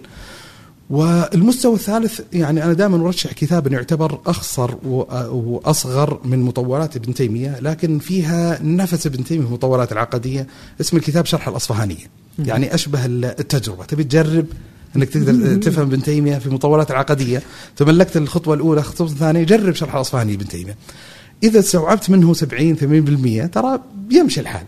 ومو بشرط الإنسان يعني ما يقرأ كتاب إنه يرسم في في في ذهنه هدف إنه يفهم الكتاب 100% هذا يعني أظنه يعني مشروع مثالي أكثر من اللازم. وعادتي لما أقرأ طبيعي إني ما أفهم مواضيع معينة. عادتي أحط علامة استفهام صغيرة بجوار الفقرة اللي ما فهمتها وقيد على الغلاف الداخلي الكتاب رقم الصفحة. بحيث لو جلس إنسان مع مختص مع مهتم مع قرين يعرض عليه الإشكالية ويصير يعني مفتاح نقاش بل حتى من الأشياء الطريفة بخصوص ابن تيمية عليه رحمة الله أن كثير من الإشكاليات اللي صادفتني عبر بوابه لابن تيمية الذي حل لي المأزق والإشكال هو ابن تيمية عليه رحمة الله. كيف. يعني أقرأ مثلا في كتاب التدمرية مثلا م. أقرأ وأضع يعني في إشكالية في عبارة معينة ما فهمتها وأعرضها على جمل المختصين وبعدين تمضي بالإنسان حياة ويقرأ يقرأ يقرأ يقرأ في يوم من الأيام في مجموع فتاوى لابن تيمية تطيح على فقرة معينة تقول الله هذه الفقرة هي اللي هي اللي تحل الإشكال اللي كان موجود هناك وهذه صادفتها يعني يعني لأن إطار اختصاصي ما أريد استغراق الحلقة فيه لكن صادفتني كثيرا كثيرا وأتذكر يعني سؤالات معينة دقيقة في المجال العقدي واللي حل الإشكال لي في النهاية هو هو ابن تيمية عليه رحمة الله طيب جميل. اذا واضح إنه مو سهل فهم ابن تيمية بالضرورة. كما ذكرت يعني واضح من سياق الكلام برضه إنه صعب لكن الواحد على تخصيص. هو إيه الفكرة تخصيص ابن تيمية بهذا اللقب. يعني أنا أتكلم ان إن في النهاية المعارف الفكرة المعارف آه، طبقات ودرجات. وإن إذا أراد الإنسان يقفز السلم كما يقال ويفضي إلى درجة متقدمة طبيعي آه إنه يصادف هذه الصعوبات. اي فهو القصة وما فيها. إن ابن تيمية عليه رحمة الله تبارك وتعالى مثل ما المؤلفات تعتبر عميقة وصعبة ويعني تحتاج إلى إلى تملك أدوات معينة والى بذل جهد وزمن معين فلابن تيمية كذلك رسائل تعتبر يعني سهلة وطريفة وجميلة يستطيع الإنسان أو المثقف العام أن يقرأها. أه. يعني موجود طيب صعوبة فهم ابن تيمية وأهميته برضه في المشهد. مه. أعطت عنه يعني حتى من المحبين له إنه تصورات خاطئة؟ أيوه. آه هذا السؤال. والله هل, هل الناس تتصور يعني أنت الآن أي. عندك اطلاع جيد. أي. هل الناس فعلا مو فاهمين من هو ابن تيمية حقيقه؟ والله يعني المشكلة طبعا فهمت؟ يعني أنت دام إنك ما أنت ما أنت بواعي آه دام إنك ما تفاهمه أحيانا وفي ناس تحكم حتى أحيانا كثير أنت قلت إنه لا لا تحكم إنه صعب ولا سهل نجرب. أكيد في ناس كثير تحكم إنه صعب وزي كذا ولكنهم كل كل الاحترام والحب والتقدير ومعرفتهم في أهميته في آه في مسائل العقيدة وهكذا. لكنهم يقولون أشياء مع تناقلها ومع مدري شلون زي كذا انها تتغير تصبح ما هي بصحيحة. بعدين الواحد اللي قرأ يدري إنه ابن تيمية هو كذا. ناس في العامة فاهمينه خطا والله يعني. طبعا هو لما تقول للناس الناس كما يقال غطاء يعني يشتمل على مشروعه يعني كما ابن تيمية محبين له مبغضين. آه لا لا قصدي حتى المحبين لا ما مو بالضرورة يعني. يعني في ناس يجي يقول لك ابن تيمية فيلسوف أكثر يعني هو فاتح باب الفلسفة. الناس ما تدري عنه. مثلا إنه مو متشدد الناس ما قروا عنه إلا بس الأشياء اللي هذه سحبوها على ان ابن تيمية متشدد مدري شلون لا هو عنده هذا الجانب. إيه هذا اللي أنا اقصد هذا القصد. اي أنا هذا اللي اقصد ان إن في جملة من الاتهامات اللي تلصق بابن تيمية بمدرسه ابن تيمية اللي يقرأ لابن تيمية سيكتشف الرجل مختلفا عن ابن تيمية عن هؤلاء بكثير. يعني خليني أضرب المثل. يعني في توهم وتصور مثلا على مستوى التشدد الفقهي إن ترى فتاوى ابن تيمية عليه رحمة الله تبارك وتعالى متشددة. جيد؟ هذا مثلا تصور معين. أنا دائما مثلا أحد الجوابات اللي أقدمها طيب هب جدلا إن حكمناك مثلا بمنظومة فقهية مباين لابن تيمية. مثلا حكمناك بمذهب الحنابلة أو الحنفية أو المالكية أو الشافعية بعيدا عن فتاوى ابن تيمية. هل تتوهم أو تتصور إن إن إن بيكون نوع من أنواع المرونة الفقهية؟ أنا أزعم لا ترى لا ما يلزم بالضرورة أن يكون الأمر متباين بهذا الشكل، بالعكس آه ابن تيمية يعني آه حل فقهيا كثير من المعضلات والإشكاليات يعني لعامة الناس، هذا مثلا في سياق معين. مثلا من الاتهامات تلصق ابن تيمية قضية التكفير على سبيل المثال. لا ابن تيمية يعني متشدد يعني إلى حد لا بأس به وعنده انضباط كبير جدا فيما يتعلق بصنعة التكفير. على مستوى السلوك الحياتي ابن تيمية عليه رحمة الله تبارك وتعالى أنا أزعم وأظن انه من أكثر الشخصيات التاريخية تسامح مع خصومه وله قصص وأخبار صراحة غريبة وعجيبة فيما يتعلق بهذا المسار. صحيح. يعني ابن تيمية عليه رحمة الله تبارك وتعالى في زمانه يمكن سجن خمسة مرات تقريبا. وكل سجناته يعني متعلق بطبيعة الحال ببعد معرفي ببعد علمي معين. مسألة طلاق الثلاث بلفظ الواحد انه كان يفتي فيها بفتوى معينة حكم شد الرحل لزيارة قبر النبي صلى الله عليه وسلم آه، في العقيدة الوصية في عدة مناظرات وعدة خصومات وعدة تجيش ضد ابن تيمية. فمثلا من المواقف العجيبة يعني هذه عدة التقاطات ولا لقطات في حياة ابن تيمية غريبة وعجيبة جدا. مثلا آه، ال ال ال آه، الناصر قلاوون أحد حكام المماليك مم. آه، انقلب عليه فترة من فترات الظهر الظاهر ببرسوي معين بتحريض من فصيل من أهل العلم. جيد. وتوطن الملك للخليفه هو الملك الثاني والسلطان الثاني. ثم الناصر قلاوون عاد إلى المشهد. لما رجع إلى المشهد استدعى ابن تيمية وجلس معه في الشرفة وأراه خطوط العلماء بالتحريض عليه والمطالبه بقتله. متخيل المشهد؟ زين. ويستفتيه إن هؤلاء يعني ألبوا عليك وكذا كذا كذا كذا فهل يعني ترى مشروعيه أنه يقتل وكذا؟ فابن تيمية إيش اللي اللي أجابه؟ قال لا إن هؤلاء وجوه البلد وهؤلاء علماء ال- البلد ولو يعني قتلتهم لن تجد أحدا يعني مثلهم في البلد وما أدري وكذا. حتى قال أكبر خصوم ابن تيمية كان ابن زلمكاني وكان أحد محرضين عليه. قال ما رأيتك ابن تيمية؟ زين آه، يعني أردنا قتله وحرضنا عليه فلما قدر علينا عفى عنا هذا مثلا التقاطه مثلا ابن تيمية له كتاب في الرد على أحد أحد الشخصيات اسمه البكري كان في مصر. البكري هذا يعني له كتاب اسمه الرد كتاب الاستغاثة لابن تيمية. يرد على شخصية يعني في قضية استغاثة بغير الله وقصة معينة البكري في مصر. الشخصية هذه البكري ألبت على ابن تيمية حتى استطاع من التأليب العام عليه في أحد الشوارع ان مسكوه في زقاق معين وهجموا عليه وضربوا ابن تيمية حتى أن البكري نفسه يقول لك في الرواية وثب على ابن تيمية وبرك على صدره وضربه وجر يعني ملابسه حتى قطعها. ماشي؟ هذا الحين موقف البكري. ثم هربوا المجموعة هذه وجاءوا محبين وأنصار ابن تيمية لابن تيمية وطلبوا منه أن الآن نروح إلى بيوتهم ونقتلهم ونفعل ونفعل. فقال هذا ما يحل ولا يجوز وكذا.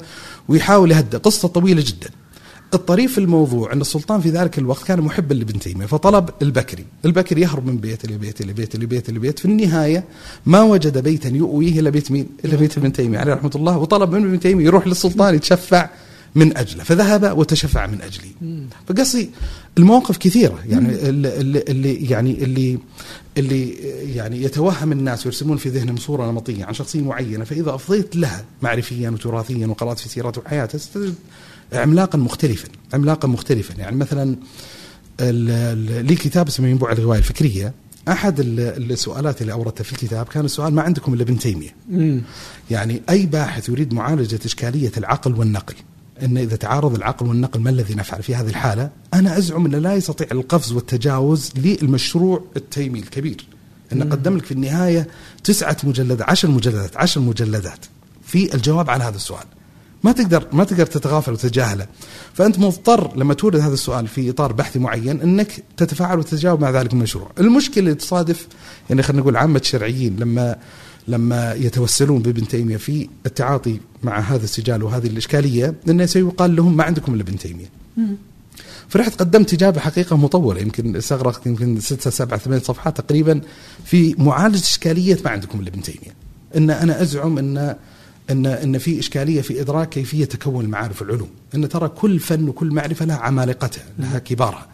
وبالتالي يعني ما يدرك الإنسان إن عملاق علم التفسير هو الإمام الطبري على سبيل المثال، عملاق مثلا في علوم الحديث مثلا الإمام البخاري، عملاق كذا، فمن الطبيعي إن عملاق المتأخرين في العقائد وفي الفقهيات هو مثل شخصية ابن تيمية. في وهم إن إن إن إن أشبه الاستفتاء والتصويت العلمي العام هو اللي اختار ابن تيمية إن يقع في هذا الموسم، لا هو القصة ما فيها في خلط بين النتيجة وبين سبب النتيجة.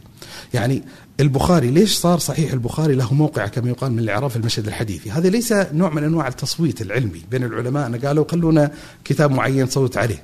لا البخاري هو اللي فرض مشروعه على أهل العلم حتى يحظى منهم بهذا الاعتراف اللي سجله. فأنا أزعم أن ابن تيمية شخصيته العلمية هي اللي فرضت على يعني على المشهد العلمي إنه يعترف بفضل وعلمية هذا الرجل. الشاهد يعني استغراق طبعا في حديث آه يعني لأنه أحيانا أتذكر حتى في صديق كان يقول إنه اللي يعرف ابن تيمية أكثر يجد إنه في المسائل الفقهية أقل تشددا مما إحنا اليوم عليه. اي طبعا مم. كثير لا كثير كثير, كثير في أبواب المعاملات في أبواب الأنكحة في أبواب الطلاق. هي خيارات ابن تيمية في هذه المسألة أكثر سعه بكثير من بعض مظاهر التشدد الموجودة في الإطار الفقهي العام. في كتاب يعني ممكن مثلا يطالع الإنسان فيما يتعلق بهذه في كتابين جميلين صراحة لي يعني الدخول لعالم ابن تيمية. في كتاب اسمه ابن تيمية والآخر للشيخ عايض الدوسري. كتاب جميل حقيقة ولطيف ويبرز من خلاله مشاهد التسامح اللي اللي المبهرة المتعلقة بهذا العالم الامام وله كتاب آخر جميل كذلك هكذا تكلم ابن تيمية.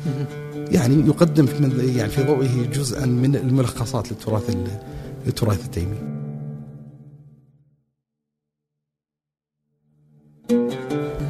طيب جميل. ابن تيمية بدخل الحين مدخل كذا جديد. انت آه، يعني آه، بحثت عنه كثيرا. يعني إذا بحثت عن اسمك تجد إنك ماخذ من المشهد هذا آه، الكثير. أو هي نقطتين. ناخذ واحدة وندخل الثانية. الإلحاد والتطور. طيب. أتوقع ممكن نبدأ بالتطور لأنه هي أتوقع أنها شكل من المشاكل من اشكال إنه فهمها أو وجودها هي آلت إلى أنه يكون في مشهد الحاد مثلا في الغرب هكذا أنت آه تقول. فخلنا ناخذ التطور. آه في ناس تقول إنه الناس دائما تنتقد يعني التطور هم ما يدرون. أنت قارئ قرأت فكرة داروين إيش مشكله هل انت أعطني موقفك من نظرية التطور عشان الناس تفهم بعدين ندخل في طيب. إشكالات طبعا يعني في عدة مداخل بس خليني أدخل المدخل اللي, اللي أعتقد إنه مناسب في معالجة الإشكال. أنا دائما لما أريد أن أطرح موقف فيما يتعلق بالداروينيه أو بموضوع التطور بشكل عام من الضروري الفك بين مظهرين أو مجالين معين، ما هي منطقة الإشكال الديني مع نظرية التطور الدارويني، وما هي منطقة الإشكال المعرفي العلمي الطبيعي التجريبي. فبالنسبة لي منطقة الإشكال الديني فيما يتعلق بنظرية التطور الدارويني آه، منطقتين أساسيتين. مبدئيا انت لا تتفق معها. يعني لاحظت هذا إطلاقية الجواب تتفق ولا تتفق؟ أبيض وأسود. آه. يعني أنا أزعم ان ان, إن بتخلق حالة ارتباك. طيب خلاص. هي القبول أو الرفض. خلاص okay. فمنطقه الإشكال الديني فيما يتعلق مع نظرية التطور في مساحتين أساسيتين. المساحة الأولى اللي هو آدم عليه الصلاة والسلام أه. والمساحة الثانية قضية العشوائية والإعتماد على معامله الصدفة العشوائية المحضة. جيد. فيما يتعلق بقضية العشوائية يعني في ضوء تصور الديني لا الله عز وجل خلق كل شيء فقدره تقديرا وأن كل شيء يقع في تسمح لي ونخلي ناخذها علميا في الدينيا طيب. نقدر؟ طيب. آه أوكي آه ناخذها من الناحية الثانية. أنت عندك إشكال مع من ناحيتين صح؟ يعني أقول يعني من التجريبي ومن الناحية الدينية. لا أنا أقول التجريبي ليش السبب؟ حالة الحساسية والتوتر في منطقة العلم الطبيعي التجريبي مفترض أن تكون لأن هناك أقل حساسية مفترض أن تكون منطقة غير حساسة. يعني صحيح إنه ممكن يصير الإنسان عن تحفظاته لكن إذا سلم الإنسان يعني يعني خلينا نقربها بشكل اتي لو لم يتكلم النص القرآني أو نص السنة النبوية في يعني في قضية آدم عليه الصلاة والسلام أو قضية العشوائية. خلينا نأخذ آدم آه حتى تتضح طيب المسألة بشكل. طيب لو ما في إيه فأنا ليس عندي إشكال مبدئي مبدئي مع فكرة تطور الإنسان من قردة على سبيل المثال. ما عندي إشكالية. ما عندي إشكالية من جهة المبدأ أن الله عز وجل لما أراد أن يطور الخلاق وينوع الأجناس أن خلقها عبر سنة ونظام. خلينا نسمي هذا السنة ونظام سنة التطور. وين منطقة طيب الإشكال؟ الإشكال لا أنه ورد في الخطاب بالنسبة لي في الخطاب القرآني القطعي وفي السنة النبوية ما يتعلق بآدم عليه الصلاة والسلام. يعني القرآن الكريم لما تقرأ مثلا قصة آدم عليه الصلاة والسلام المفصلة المتعلقة به بالنسبة لي واضحة الدلالة في أن خلق آدم خلق مباشرا. بل أزعم من القرآن الكريم أصلا قفز يعني خلينا نقول أخذ الموضوع إلى مدى أبعد لأن بنى بعض الحقائق العقدية التالية على هذه الحقيقة. يعني مثلا ما يقول الله عز وجل إن مثل عيسى عند الله كمثل آدم. خلقه من تراب ثم قال له كن فيكون. طيب إيش تفسير هذه الآية؟ يقول لك إن اليهود قالوا كيف يكون؟ يعني كيف يكون لمريم ابن وليس لها زوج؟ زين لاحظ الحين هذا الشبهه وهذا الإشكال. كيف يكون عيسى ليس له أب؟ فالله عز وجل يحاجهم يقول لهم هذا آدم زين تؤمنون به ليس له أم ولا أب. يعني فالقادر على خلق من لا اب ولا أم أولى أن يعني أن لا يستشكل أن يكون لرجل معين ليس له أب. وبعضهم مثلا النصارى قالوا أن عيسى مستحق للألوهية. ليش مستحق للألوهية؟ لأن ولد من غير أب. فيقول طيب إذا كان هذا هو معيار استحقاق الألوهية فهذا آدم تؤمنون به. خلق من غير أب ولا أم. فتلاحظ الحين أن فكرة أن آدم لم يخلق من أب وأم فكرة بالنسبة لي هي قطعية بدلالات متعددة وكثيرة جدا وتبنى عليه حقائق قطعية أخرى مثل المحاجة. يعني ما أستطيع أني أفهم وجه المحاجة لو قيل يعني بنظريه التطور في خصوص آدم عليه الصلاة والسلام إنه كيف كيف يعني بيقولون اليهود طيب له أب وأم يعني شو دخله في الموضوع؟ فما يستقيم وجه الحجة فيها إلا إذا قلت إن آدم عليه الصلاة والسلام ليس له أب ولا أم. طبعا دخلت معامل السنة النبوية في المعادلة يعني سيحسم لصالح فكرة الخلق المباشر فيما يتعلق بخصوص آدم عليه الصلاة والسلام. طبعا وفي يعني في أنا ما أريد الاستسهال أكثر في إيه حديث كثير إيه بس إنه هنا هذه هذه المسائل أنا احس إنها يعني تثير يعني إيه. مسألة العلم العلم يعني أحيانا يعني العلم يقوم على إنك تشكك فيه أو فيثبت نفسه أو إنه إيه. إيش؟ آه ينفي النظرية أو الفرضية حتى تسمى مثلا النظرية فعندنا هذه مثلا نظرية التطور إيه. إذا قلنا إذا جينا نسلم آه، بالأديان ففيها أصلا أشكال مختلفة يعني. عندنا في الإسلام اللي هو إنه آدم آه، أول الخلق. بس إذا علميا اليوم يجون يرجعون بالأحافير يجون انه موجود. يعني مسارات البني آدم مسارات الإنسان أقدم من آدم يعني. إيه طيب. إيش تقول الحين يعني؟ تقول لا أنا هذه مالي دخل فيها. طيب يقول لك شوفها موجودة. إيه. طيب. يعني موجودة علميا مثبتة. طيب إيش تبغى نسوي؟ إي ماشي. يعني خلينا يعني فيما فيما يتعلق بالأحافير أنا أقول لك إن منطقة الإشكال الديني في آدم عليه الصلاة والسلام من جهة إنه لم يطور من اجازه سابقة. جيد. ما عندي مانع لا عقلا ولا شرعا ولا دينا بوجود مخلوقات شبيهة بآدم قبل آدم عليه الصلاة والسلام. أوكي. يعني بل ممكن الإنسان يلتقط من النصوص القرآنية بعض الإشارات اللي يفهم منها هذا المعنى. إن في مخلوقات. يعني مثلا قصة آدم عليه الصلاة والسلام مطولة في القرآن الكريم. أتجعل فيها ما يفسد فيها ويسفك الدماء ونحن نسبح بحمدك. إن كأن الملائكة شاهدوا قوما يحصل منهم هذه المبادرة. وفي دلائل متنوعة في القرآن صحيح. ممكن يتنبأ أنا أقول لك لا خلها من منطقة المسكوت عنه في الوحي. إيه فما عندي إشكال بوجود مخلوقات شبيهة بآدم وقفنا على حافرة.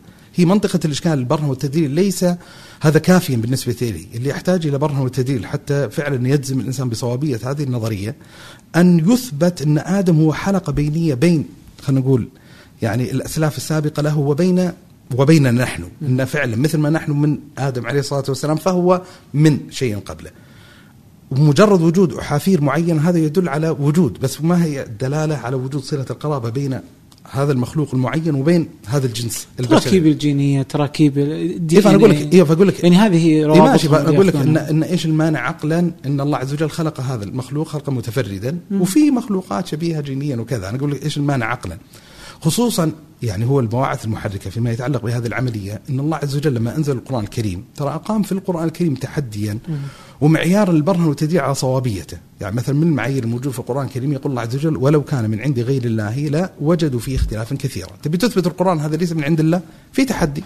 إن أثبت إن هذا القرآن الكريم فيه تناقض وتعارض داخلي إن في آية متعارضة بحيث لا يستطيع إنسان التوفيق بينها وبين الآية الأخرى بوجه من أوجه التوفيق أو القرآن معارض لحقائق قطعية يقينية بديهيه إيه فإذا وصل الإنسان للحظة يعني وين منطقة الإشكال؟ حتى حتى إنصافا للخطاب الإلحادي والخطاب الدارويني. الله عز وجل جاب لك التحدي ولو كان من عند غير الله لا وجدوا فيه اختلافا كثيرا. فيجيك الحين مثلا الملحد متبني الداروينية يقول لك هذه النظرية افترض افترض جدلا إنها قطعية. مم. أنا أزعم إنها ما هي قطعية. في ظل ورود النص القرآني وفي إشكاليات وجذريات كثيرة جدا مما يتعلق ب يعني ال- القصة هذه ممكن نأتي لها بس خلينا نفترض فيقول لك إن القرآن متعارض مع حقيقة علمية، ما هي الحقيقة العلميه؟ التطور الدارويني. أنا ما أرى أن من موضوعية ومن العقل ومن الإنصاف تروح تقول للملحد طيب خليك شوية، تروح تلتفت على النص القرآني تعيد ترتيب دلالات النصوص وتقول لا أبد ما يتعارض.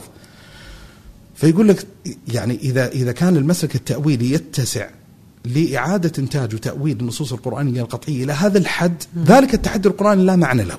ولو كان من عند غير الله لوجدوا فيه اختلافا كثيرا لأنه يصير أي شيء من الاختلاف الكبير تستطيع إعادة ترتيبه بطريقة معينة يصير يصير قابل للتأويل. فبالنسبة لي لا مثل ما قال الله عز وجل هو الذي أنزل عليك الكتاب منه آيات محكمات من أم الكتاب وأخرى متشابهات. لا عندنا نصوص محكمة قطعية بينة واضحة. يجب على المسلم يستمسك بها كما يقال إلى اللحظة الأخيرة. بس ما تحس ان أحيانا اللي هي اللي تخرب علينا؟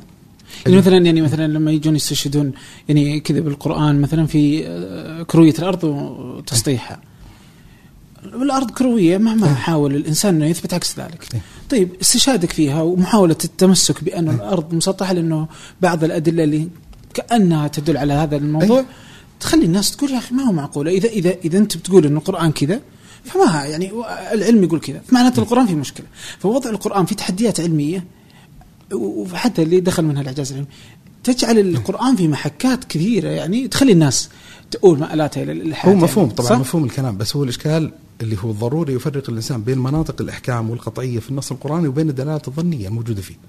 يعني خلني مثلا في قضية آدم بقية المملكة الحيوانيه والنباتية لا يوجد دلائل قطعية في القرآن الكريم، ممكن يتلمس الإنسان بعض الدلائل الظنية المتعلقة بأن ال- المخلوقات بقية المملكة الحيوانية والنباتية خلقت من خلق مباشر، بس ما في دلالة قطعية. وبالتالي أنا أكثر استرخاء فيما يتعلق ببقية المملكة الحيوانية النباتية. لما قلت مثلا قضية كروية الأرض جيد أنا أزعم أن لا يوجد في الدلالة القرآنية نص قطعي الدلالة على على على, تسطح. كرو على تسطح الأرض أيوه يعني يعني التأويل المتعلق بها تأويل قريب لما يتكلم الله عز وجل النبي ساطة وكذا. أيوة أي إنسان جالس على وجه الأرض يدرك أنها منبسطة في عينه منبسطة في رؤيته في نظره. لما يقول الله عز وجل في قصة ذي القرنين على سبيل المثال تغرب في عين حمياء إن الشمس تغرب في عين حمياء عين حمياء عين ماء آه، فيها طين ملوثة بالطين. أيوه ما حد فهم لا من عرب الجاهلية لما نزل النبي صلى الله عليه وسلم ما حد فهم إن الشمس بحجمها في نهاية النهار تغرب داخل وتغطس داخل عين حمياء. فهو يعتمد على المعامل الدلالة القرآنية المتعلقة بالباب، هل هي دلالة قطعية يقينية آه صعب يعني خلينا نقول ال- ال- التعاطي معها بصنعة تأويلية ولا لا دلاله ظنية محتملة. لأن من الأصول مثلا ابن تيمية في سؤال العقل والنقل مثلا من الجوانب العبقرية اللي قدمها ابن تيمية قال لك ترى ليس صحيحا إطلاق القول بتقديم العقل على النقل أو النقل على العقل. قال لك لا في معيار حيادي بعيد عن جنس الدليل عقل أو نقل اللي هو القطعية. فيقول لك إن مستحيل كمدخل مستحيل يتعارض الدلالة القطعية اليقينية الموجوده في القرآن الكريم مع الدلالة القطعية اليقينية للمعرفة العلم، مستحيل أن يقع هذا لأن هذا القرآن منزل من عند الله والله عز وجل هو خالق هذا الكون والعالم. طيب إذا تعارضت الظنيات والقطعيات فالمقدم القطعي بغض النظر عن دليل. فانا ليس عندي إشكال يعني مثلا لما قلنا قصة ذي القرنين ما عندي إشكال وتحفظ إن الدلالة العلمية القطعية اليقينية دلتنا على أن الشمس أكبر من الأرض فضلا أن يقال إنها تغطس في نهاية النهار في عين ماء موجود داخل الأرض، هذه دلالة قطعية. طيب لما جيت الدلالة الظنيه الدلالة النقلية وجدتها دلالة ظنية محتملة. ولذا في تعبيراتنا الدارجة ممكن يقول الإنسان بلغة شاعرية واقف على شاطئ البحر إحنا في المنطقة الشرقيه في نهاية النهار يقول لك إن الشمس تغرب في البحر. عادي عادي. عادي جدا. إيه، وإحنا مدركين علميا وطبيعيا وتجريبيا إحنا في لغتنا الدارجة اللي مستعملة أشرقت الشمس من هنا وغربت من هنا. في حين إحنا مدركين إن حركة الشروق والغروب ليست معنى مضافا إلى الشمس زين إن هي اللي تتحرك لكن سعة العربية تحتمل مثل هذا المعنى. أنا بس منطقة الإشكال في قصة آدم عليه الصلاة والسلام إن المساحة اللي يستطيع الإنسان يتحرك فيها لغويا في دلالة النص القرآني ضيقة فيما يتعلق بهذا الإطار. وبالتالي ال- ال- المدخل المعالجة اللي هو ضرورة التفريق بين مستويات الدلالة قطعا وظنا ويقدم الإنسان. ولذا لما تنتقل الحين طيب نظرية التطور الدارويني هل فعلا هل فعلا وصلت إلى حد القطعية فيما يتعلق بهذا الفضاء؟ أنا أزعم لا أن في إشكاليات حقيقية. يعني خليني أضرب بس يعني بعض الأمثلة سريعا مثلا أحد الحوارات اللي سمعتها بين أحد التطورين الداروينيين وغيره كان يتكلم يقول له يعني في في ما أدري آه، في بودكاست يعني كان في- في برنامج إذاعي معين. فكان يقول له يقول له أنا مستغرب منك ليش ما تسجل اعتراف بأن هنالك إشكاليات حقيقية تعصب النظريه فقال له الطرف المقابل الدارويني كان متعصبا. قال أنا معترف إن في إشكاليات معينة بس أنا ليس من المعقول ولا من المعقول في مدارس التعليم العام في المرحلة الثانوية أروح اورد لهم الإشكاليات وكذا. اي فانا بالنسبة لي أنا أستطيع أتفهم إن مبادئ العلوم ومداخلها اي ما تقعد يعني تثير كل إشكالية يعني تحاول تقدم المعرفة بحسب اللغة المناسبة لهذه المرحلة. لكن من الخطأ العلمي أن توهم المتلقي في هذه المرحلة إن ترى النظرية اللي قاعد تقدم له إياها هي خلية من أي إشكاليات. هذا مثلا أحد المسارات الإشكالية. المعطى الثاني طيب لماذا تخلق للداروينيه هذا الحضور وهذا الهيمنة في المشهد العالمي اليوم؟ طيب أحد المسببات أعتقد الأساسية اللي هو عادلة إلى مجال فلسفي إلى نظرية المعرفة إلى نظرية المعرفة. يعني بختصر الموضوع بالطريقة الآتية. في أحد ال أحد ال أحد الشخصيات الداروينية قال عبارة صراحة معبرة عن الإشكال العميق اللي ممكن يعني ممكن أتفهم في هذا السياق. اسم الشخصية هذا سكوت تود. يقول حتى لو دلت كل الدلائل بوجود مصمم ذكي لما كان هذا الخيار مقبولا لأنه تفسير غير مادي للظاهرة المادية الطبيعية. يعني أنت تلقائيا لما تقول science كلمة ساينس العلم الطبيعي التجريبي تعرفها بأنها تطلب التفسيرات المادية الطبيعية للظواهر المادية الطبيعية ترى أنت أنت أنت أنت حصرتني في خيارات الجواب. ما عاد بطبيعة ال- بطبيعة التعريف من المقبول تقول الله خلق يعني إذا قلت اذا إذا قلت الحين مثلا إن الكون حدث في لحظة انفجار كبير طيب إيش اللي تسبب في حدوث العالم بعد أن لم يكن موجودا؟ فإذا قلت الله في الحين بحكم التعريف يقول لك this is not science هذا ليس علما. تقول له ليش؟ تقول لأنه هو تفسير غير مادي طبيعي للظاهره الطبيعيه الماديه إيه فانا بالنسبة لي هذا هو موطن الإشكال. يعني أنا شبهت الموضوع في أحد كتبي شموع النهار قلت هذا كحال يعني أنت لما تحصرني في هذا الإطار كأن عندك صندوق أدوات معينة وتبي تعالج إشكالية معينة ومصر أن تعالج هذه الإشكالية الفنية الميكانيكية من خلال علبة الأدوات المعينة المخصوصة عندك. وقد يصير يعني خلينا نقول السكروب ولا الزرادية موجودة بس برا هي اللي تقدم لك الإجابة على الإشكالية اللي أنت واقع فيها. تخيل مشهد مثلا تعرف الأجهزة يسمونها ال metal detector اللي هو اجهزه الكشف عن الحديد. تخيل هذه مستعملة في كثير من الشطآن في العالم، يجيك رجل فقير قاعد يدور ممكن يطيح له على حلقة اسوره ولا شيء معين وكذا. فتخيل لو صادفت إنسان من هؤلاء يقول لك تصدق أنا لي في هذا الشاطئ 20 سنة ما وقفت على قطعة بلاستيك واحدة. يعني قاعد يستخدمه يقول لك ما وقفت على بلاستيك واحدة. بل أظن إن لا يوجد بلاستيك في هذا الشاطئ مطلقا، بل أستطيع أن اطلق دعوة إن لا يوجد بلاستيك في العالم. حلو أقول أنت أحيانا لا تستطيع تملك نفسك من الضحك وأنت تشاهد يستخدم الجهاز اللي. قاعدة فيه قطعة بلاستيك. طيب إيش السبب؟ إيش اللي أوقع في هذا الإشكال؟ اللي أوقع في الإشكال انه حصر عقله وذهنه في تطلب إجابات معينة وقابل إنه يخرج خارج هذا الإطار. يعني لما يعني أنا قصدي أخذت المسألة بالتصريح وبذروة الإشكالية، لما يقول سكوت تود انه لو دلت كل الدلائل بوجود مصمم ذكي لما كان هذا الخيار مقبولا، ليش؟ لأن تفسير غير مادي طبيعي للظاهره الطبيعية المادية. ففي فقصدي خلاص يصير أشبه المنتاليتي، أشبه العقلية اللي قاعد نتحاكم إليها هي ننتقل من أرضيتين مختلفتين. أنا أريدك تكون أكثر حيادية في تطلب الجوابات المتعلقة بالموضوع وأنت مصر إلى استبقاء داخل إطار التفسير المادي الطبيعي. إيوه ففي النهاية إذا قلت لي أبغى أبغى تفسير مادي طبيعي بيصير الخيار الطبيعي العلمي المادي الأوحد اللي هو هذا الخيار. ولذا المنظومات الأكاديمية المعاشه اليوم ترى لا تستطيع يعني مثلا في أمريكا مثلا من القضايا ال- ال- الكبيرة اللي حصلت إن في أحد المقاطعات الأمريكية وصل المتدينين إلى مجلس العموم المتعلقه بالمدارس. فراحوا قرروا أحد القرارات إن مادة الأحياء كتاب الأحياء يلصق ملصق في آخر الكتاب ان إن نظرية التطور هي مجرد نظرية وليست حقيقة علمية وإن في خيارات يعني علمية بديلة. انظر الرابط الفلاني. بس الملصق هذا ومطلوب من مدرس الأحياء أن يقرون العبارة هذه. جيد. سووا طبعا مجموعة سووا إضراب من المعلمين وكذا بحيث إن اضطر بعض المدارس مدير المدرسة يدخل على الطلاب في قسم الأحياء ويقرأ عليهم العبارة هذه. إحدى الأمهات رفعت دعوة قضائية ضد المجالس اللي اللي سنت القرار هذا وتصاعد تصاعد تصاعد الموضوع إلى ما وصل إلى المحكمة العليا. المحكمة العليا الامريكيه. اللي انتهى الموضوع المحكمة العليا تشيله. إنها تشال. إيه. إيش السبب طيب؟ ما هي الباعث؟ يعني هل المحكمة هي اللي, اللي اتخذت قرارا علميا متعلقا؟ لا، هو مدى توافق هذا المعطى مع الدستور الأمريكي بين قوسين العلماني. أوكي بس يعني- ما تحس انه تحس إنه يعني هنا إنه هي نظرية زي زي نظريه النسبية يعني نظرية مثبتة. تقوم عليها كل العلوم قامت عليها كل العلوم اليوم ترددات الكمبيوتر مدري شو. قام على برضو على مفاهيم العشوائية اللي تقوم عليها نظرية الداروينية وغيرها ونظرية التطور. فهي نظرية. لما يجيني أحد يقول لي يعني هذا واضح إنه علم. يعني لما يجي واحد يقول أوه بنكتب إحنا في في كتاب علوم الأحياء. أو لو حتى في السعودية كذا يقول نبغى نكتب إنه الأرض مسطحة.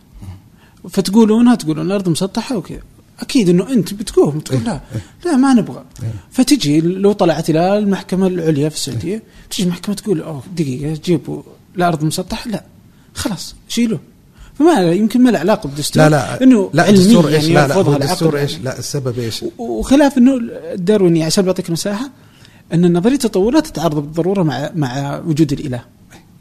طيب آه، بالنسبة حتى تتضح هناك السبب الباعث ان إن في الأخير ال- النظرية البديلة اللي كانت تقدم اللي فكرة intelligent designer ان في آه، مصمم مصمم ذكي ذكي. مصمم ذكي. فالمحكمة كانت تدرس إن هل المقصود intelligent design هو محاولة تسريب الله داخل قاعة الدرس ولا ليس هذا المطلوب. يعني أصحاب توجه ال intelligent design يقول لك أنا اللي أريد أن يقول إن في ظواهر مادية طبيعية نشاهدها في الطبيعة المفسر الأفضل لها وجود مصمم ذكي. إيه. ممكن يكون الله ممكن, أيوه ممكن يكون كذا. هذا يقول إيه. الطرف الثاني بمحامية باللجان القضائية بشغله يبغى يقول ترى هؤلاء يريدون إدخال الله عز وجل إلى داخل التعليم العام. النظام ال- الأمريكي بطبيعة الحال يرفض الدين داخل ال- ال- ال- ال- المؤسسات التعليمية اللي تراها الدولة المدارس الحكومية. تبي تبي تدرس أي نظرية تبغاها في المدارس الأهلية حقتك لكن لا يمكن يصرف آه، آه، ال- المدخولات ال- يعني خلينا نقول ما يدفعها دافع الضرائب إلى نصره الدين طيب ليش هم اليوم يستخدمون الدين برضو في تعيين كل رئيس؟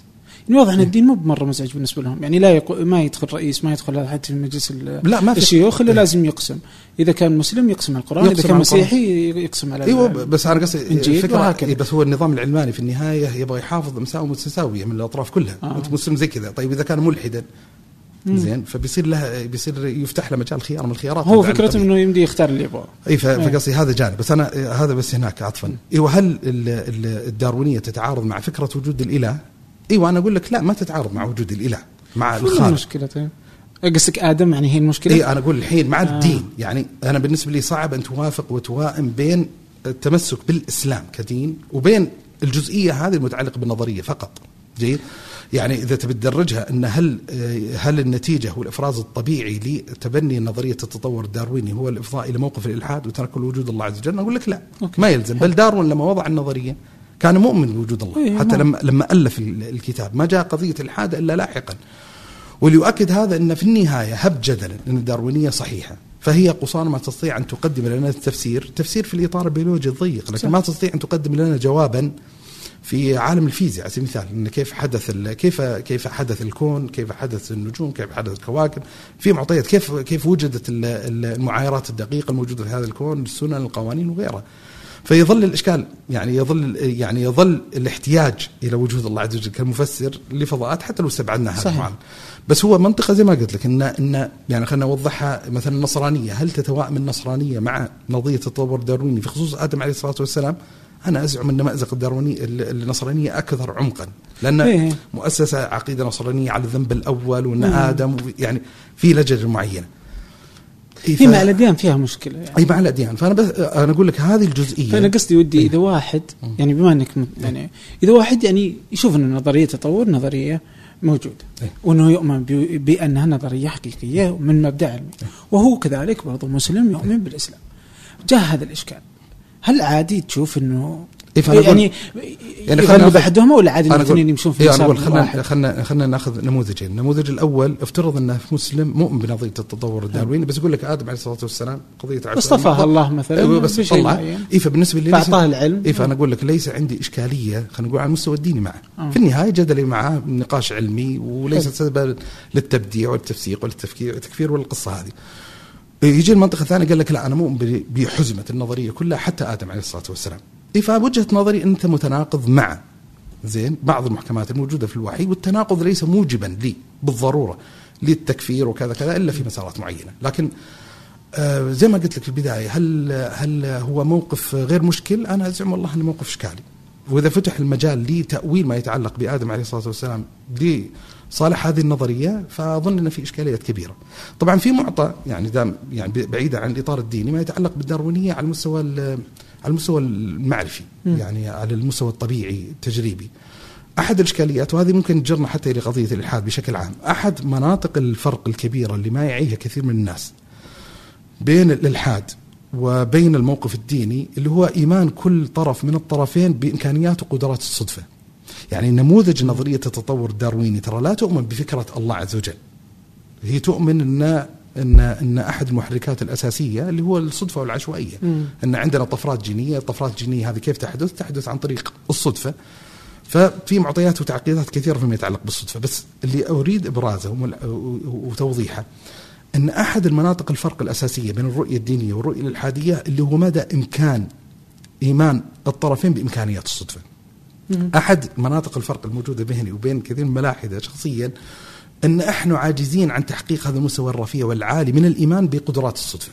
يعني حتى أحد المؤلفين الغربيين اسمه فرانك تورك مع زميل له ألف كتاب عنوانه طريف I don't have enough faith to become an atheist. ليس عندي إيمان كاف لأكون ملحدا. إيش السبب؟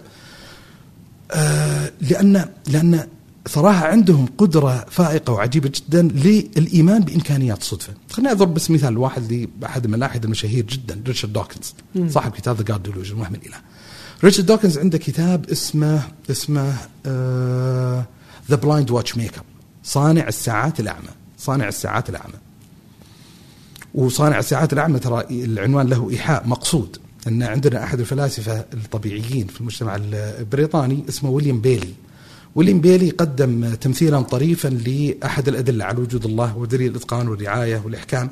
فيقول لو قدر الإنسان كان ماضي في حديقة ويمشي في حديقة وبستان معين وارتبط رجله صدفة بحجر ورفع الحجر وبدا ينظر في الحجر ويقلب نظرة في الحجر قد يتوصل النتيجة إن هذا الحجر موجود في هذا المكان من الأزل. لكن لو مضى في الحديقة وضربت وارتبطت رجله بساعة وبدأ ينظر في الساعة ويقلب نظره في الساعة سيصل النتيجة قطعا أن هنالك صانع لهذه الساعات. فيقول لك هذا الكون عبارة عن ساعة كبيرة و there must be watchmaker لابد أن في صانع ساعات. ريتشارد دوكنز شو بيقول؟ يقول The Blind Watchmaker صانع الساعات الأعمى. إنه صحيح إن الطبيعة تتمظهر بالنسبة إلينا كأنما هي صممت لكن ليست محتاجة إلى مصمم ساعات. إيش محتاجة؟ إلى الطبيعة العشوائية العمياء ممكن تخلق الساعة. ماشي؟ هذا هذا الثيمه الكتاب. أحد الالتقاطات العجيبة الموجوده في الكتاب يقول لو قدر ان مجموعة من المتدينين كانوا موجودين أمام تمثال لمريم العذراء. وفجأة هذا التمثال التفت إلى مجموعة من المتدينين وبدأ تلوح بيدها لهم.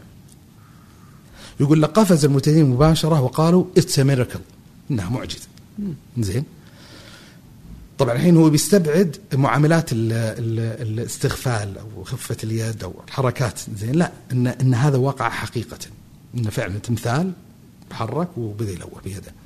فيقول لكن خلينا نحلل هذه الظاهرة ماديا وطبيعيا. يقول هذا التمثال في النهاية عبارة عن atoms عبارة عن ذرات. هذه ذرات في حركة عشوائية.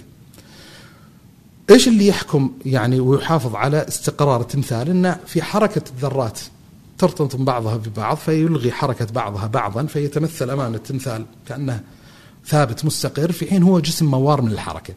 يقول لكن لو وقع صدفة لاحظ الحين وقع صدفة أن كل الذرات الموجودة في الكف انثنت واتجهت بوجه واحد راحت إلى جهة اليمين. ثم صدفة رجعت مرة ثانية. وهكذا لا أعطت إيحاء لنا بأنها إيش؟ لا أعطت إيحاء بأنها قاعدة تلوح. في حين حقيقة الأمر أنها لا تفعل ذلك. فتلاحظ الحين إي بالنسبة لي الموقف الأكثر عقلانية في مقاربة هذا ليس الإيمان إنه بالصدفة التفتت وبدأت تلوح للناس. الأقرب للمعقول وفطرية وكذا أن يقال it's miracle إنه إنه أمر خارق العادة. جيد؟ فهذا أحد المعطيات الأساسية. يعني آه الداروينية تعتمد اعتماد كبير جدا على ما يتعلق بالصدفه وأنا أشوف إن إن إن الصدفة إمكانياتها في تخليق التنويع الحاصل عندنا ليس ليس ليس بالطريقة اللي هم يصورونها يعني يتكلمون عن فكرة هي العشوائية أكثر. العشوائية هو العشوائية مبنية على فكرة الصدفة. إيه. يعني هو المحرك للداروينية قضيتين قضية انتخاب الطبيعي قضية الطفرات الجينية. م. الطفرات الجينية آه، هي تنشأ صدفة. تنشأ صدفة. إيه فانت الحين بحاجة ان يعني لاحظ التعقيد المتعلق. أنت بحاجة إلى صدفة تنشأ في ظرف معين يكون هو المناسب لبقاء الكائن الحي. لأن لأن لأن ليس يعني يعني لما يطرح سؤال أيهما أفضل الكلاب؟ لما تتطور. على سبيل المثال تكون ذو أرجل مثلا قصيرة ولا تكون أرجل طويلة؟ ما تقدر تقول أفضل وأفضل. لابد انه بحسب البيئة والسياق اللي هي موجودة فيه. صح. فإذا كانت موجودة في بيئة حارة فطول الساقين أفضل. إذا بيئة باردة تصير مكمشة أفضل. إيه فالحين أنت بالصدفة الحين قاعد تشترط انه يحصل طفرة جينية تجعل القدم حقها صغيرة في ظل سياق معين. لا مو بالضرورة. نعم. هو يعني مثلا اذا إذا أخذنا مثلا كلاب. أي. كلاب مثلا شلون صارت مثلا؟ يعني هي إنه على انها من فصيلة الذئاب. أي. شلون صارت أليفة للإنسان؟ زي كذا يعني إنها تطورت يعني آه عبر مئات السنين. إنه أو إذا أخذنا مثلا كيف إنه طالت رقبة الزرافه ولا أرجل الكلاب لنفرض ما تفرق يعني. هي الفكرة إنه في كلاب قدرت إنها تعيش في هذه البيئة. في كلاب ما قدرت فاللي قدرت أنجبت واللي ما قدرت ماتت. وراحت فكره فكرة التطور إنها تقوم على التطور الجيني إيه. اللي خلاها تبقى في هذه البيئة. فتلقى إنه صارت طويلة بما فيه الكفاية يعني فخلتها تعيش وعاشت. فجابت أولاد وصاروا كلهم طوال رجالهم رجولهم زي كذا. فلو رحت اللي في أوروبا تلقى قصار واللي في مثلا في السعودية أو في جزيرة العرب تلقى كبار لأنه البيئة صحراوية. فهذه ماتت هذه بقيت وفقا للتطور الجيني حقها يعني وفقا للبيئة حقتها اللي قدرت إنها تتوائم مع البيئة بقيت واللي ما قدرت ماتت. وهكذا. اي هو الفكرة طاووس نفس الشيء كلها زي كذا. اي هو هو القصة هو أحد الإشكاليات الموجودة يعني في التعامل والتفاعل مع الداروينية. الإشكال الحقيقي والعميق اللي أجده في نفسي على المستوى الشخصي اللي هو في القفزات الهائلة بين الأجناس والأنواع. يعني الفرضية اللي تنطلق منها التطور الدارويني ان الحياة أول ما نشأت نشأت في البحار. بعدين تطورت طبعا ملايين السنين لما وصلنا للأسماك، الأسماك تطورت إلى برمائيات، البرمائيات تطورت إلى زواحف، الزواحف تطورت إلى طيور وثدييات، جيد؟ إيه فهذه القفزات بين الأنواع من الأجناس إن إن أنا أنا عمليا عبد الله عجيري وبيني وبين النخلة تقول عم أكرم عمتكم النخلة بيننا نسب مشترك وبيني وبين الذبابة بالبكتيريا بيننا نسب مشترك. في هذه القفزات الكبيرة أحد ال- التعبيرات اللي يستخدمها بعض ناقد الداروينيه في المجتمع الغربي اللي هو محرك الداروينيه. يعني يقول لك إن أنت أشبه أمام تلة معينة فمحرك الداروينية يستطيع أن يحدث نوع من أنواع التطور خلينا نقول بمستوى معين. بس في النهاية ما تقدر يعني يعني خلينا التعبير اللي يستخدمه بعضهم. يقول ممكن أن تعود يعني خلينا نقول خيلا وتدربها على أن تقفز حاجز معين. حلو. تقفز زين افترض أن الحاجز موجود بمقدار 1 سنتيمتر. بس تسوي برجلها كذا انتهى الموضوع. 10 سنتيمتر نفس الشيء. طيب متر دربها زين مترين.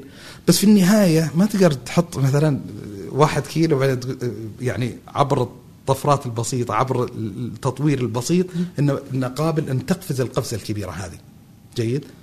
اي ف يعني لما يطرح فكرة إنه إيش هو, إيوه. هو انه ما تقدر في جيل واحد هي إنها بعد 100 يعني مثلا ظهر ماشي. الزرافة 10 ملايين السنين 10 ملايين السنين ما- يوم أن اي. فاحنا إحنا هنا المنازع فكرته إنه بينط بس بعد 10 ملايين سنين زي كذا إي ب- ب- مو الحين هذه الفكرة يعني. لا هو هو واضح أنا قصدي ليش أوردت هذا الكلام إنه افترض جدلا لو واحد قال لك ان بين الذئاب وبين الكلاب أصل مشترك أو. قال بينك الأسود وبين القطط أصل مشترك. اي على المستوى الشخصي هذه مسألة في قدر عالي من المرونه نتناقش فيها. لكن لما يقال إن بين الضفدع وبين السمكة نسب مشترك لا الحين الحين في في في إشكاليات كبيرة. يعني خليني أوضحها بطريقه زي بين الحوت وعلى إنه الحوت آه، هو لأنه الحين في ال- في البحر. إيوه. هو فكرته إنه إنه أصل ثدييات. اصل ثدييات وإنه زي كذا. عنده أرجل موجود اليوم بالأشياء اللي يشرحونه. عنده عمود فقري عنده أرجل وعنده زي إيه، كذا لا، بس انها ضامرة وما حد يشوفها إيه، بس. إيه، طبعا بس وتدري هو محل جدل. بيصير بين ناقد النظرية هذه هل هي أعضاء ضامرة فعلا لكائن بري ولا لا؟ وما أدري شو. وأنا اؤكد طبعا لاحظ منطقة الجدل قاعد تناقش فيها هو منطقة يعني خلينا نقول علمية طبيعية تجريبية مش منطقة الحين دينية. صح. زين؟ وموكل البحث فيها والمناقشه إلى الإطار التخصصي. بشرط إنه ما يصير المنظومة الحاكمة للمناقشة في هذا الإطار منظومة فلسفية أجنبية اللي الرؤ- الرؤية يعبر عنها ساينتزم ولا العلموية مم. اللي هو تطلب التفسيرات المادية الطبيعية فقط. زين؟ بس خلينا المثال هذا لأنه مثال صراحة طريف ومعبر مثلا أحد المعضدات اللي اللي تستخدم في كثير من الأحيان أورد جزء منها قضية الحافير. قضية الأحافير في الدلالة والبرهنة إن عندنا إحنا المسار التطوري نستطيع أن نتأمله وننظر إليه من خلال قضية الأحافير. طيب أحد ال- ال- التعبيرات الطريفة اللي استخدمها أحدهم عنده كتاب اسمه The Devil's Delusion وهم الشيطان. وبالمناسبة هو ملحد لا أدري الحين ما ما أحضر اسمه ما يحضرني اسمه. لكن كتابه طريف. أحد التمثيلات الطريفة اللي استخدمها قال لو أردنا أن نحول كائنا بريا إلى حوت. كائن بحري كم حجم التغييرات اللي يحتاج أن نحدثها في هذا الكائن البري من أجل أن نصل إلى لحظة ذلك الكائن البحري؟ يعني أشبه عندك سيارة تبي تحول السيارة هذه إلى غواص مم. عندك مثلا بقرة وعندك دب تبي تحول الدب هذا إلى حوت. كم حجم التعديلات؟ يقول خلينا نكون زاهدين في عدد التعديلات اللي يحتاج تجريها خلينا نفترض بس 100 تعديل. بس 100 تعديل. لو جريت على الدب سيتحول إلى حوت معناته عمليا بين الح... بين الدب وبين الحوت في 100 حلقة بينية. مم. عمليا في 100 حلقة بينية. يعني في الدب النسخة الأولى بالتعديل الأول. بعدين في طفرة ثانية وتعدل تعديل الثاني والثالث والرابع والخامس وكذا.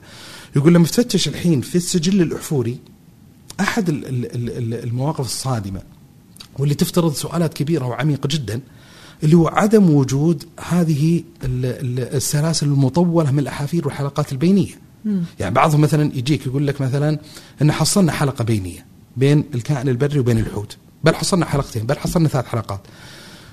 اللي يعترضون يقولون إن ترى هذا مفروض أن يفجر سؤالات أكثر وأكثر الحاحا. طيب وين راحت بقية الحلقات البينية؟ يعني الحين أنا قاعد أفتش قاعد أفترض في ضوء نظرية التطور الكلاسيكي إن في ملايين وفي أشبه يسمونه بالإنجليزي ال- ال morphing مم. تعرف الحركة موجوده في اليوتيوب إن أب مثلا يصور بنته ويصور ولده من لحظة الطفولة كل أسبوع مم. كل أسبوع كل أسبوع بعدين يروح يلصق الصور ورا بعض فتلاحظ الوجه يبدأ يعني مورفنج يبدأ ينتقل من نقطة ألف إلى نقطة ياء مرورا بالنقطة باء وتاء وثاء وانت ماشي فعمليا مفترض لما ننظر في الكائنات الموجودة أو في الأحافير الموجودة للكائنات داخل السجل الاحفوري بنلاحظ أن في تدرج عندنا يعني مش طبعا 100 عندنا أكثر بكثير جدا. صح. لكن الواقع يشهد بأن لا وجود لهذه الحلقات البينية، هذه إشكالية طرحها طبعا شارلز دارون في أصل الأنواع. وفي إشكالية يعني حتى اليوم في قضية الأحافير بل تجد كثير من الداروينيين انتقلوا عبر الاستدلال بالسجل الاحفوري إلى منطقة ال- ال- الجينوم والشفرة الوراثية الشفرة الوراثية لأنها أكثر دقة لأن مو بس أكثر دقة والتقنية لأن, لأن لنا نقدر. أكثر دقة والإشكال الأكبر لأن السجل الاحفوري مخيب الأمل فيما صح. يتعلق بالنص الداروينية في تقي... مخيب الأمل حقيقة وإذا خذ مثال مثلا بس ما تحس إن الجينوم والجين إنه يدعم لا هو هو صار يخليك تقدر هو تعرف إيه هو تثبت الاشكاليه يعني. هي الإشكالية دائما اللي هي ال ال ال آه، طبيعة المقاربة يعني يعني ال- الح- الحدث حدث واحد لكن بماذا تفسره؟ يعني خليني أوضحها بمثال ونوضحها بالمثال هذا. مثلا أحد الاعتراضات اللي تورد على الخطابات الدينية عموما الأديان تسرق بعضها من بعض، ان قصة الطوفان موجودة عند اليهود وموجوده. عند النصارى وموجوده عند المسلمين كمثال وموجودة في حضارات أخرى، ماشي؟ فالحدث واحد يعني فكرة إن الطوفان موجودة في كل الأديان صحيح الملحد يستثمرها يقول كل الأديان سارقين من أصل واحد والمتدين يقول لأن مرجع الأديان هذه كلها إلى الله عز وجل واحد فطبيعي تصير مشتركة في القصص. لاحظ الحدث واحد بالتفسير متقارب. اي فلما يقول لي يعني إيه، لما يقول لك إن مثلا إن نسبة ال- المشابهة بين جينوم الإنسان وجينوم القرد على سبيل المثال نسبة مرتفعة وعالية جدا بل في نسبة مشتركة مع بقية الأجناس والأنواع وكذا فيقول لك وحدة مصدر الخالقية طبيعي إنه بيصير متقارب بيصير يستخدم نفس نفس ال ال ال الجانب التقني نفس الشفره الوراثية. إيه فمو بالضرورة إن هذا يدل إن هذا خلق من هذا. م- ما يقول أصلا انه أتوقع دارون إنه؟ الانسان خلق من القرد. هو إنه من إنه أبناء عمومه يعني. الأبناء عموما مع القردة اللي الموجودة المعاصرة الحين لكن كلهم يرجعون إلى أصل واحد.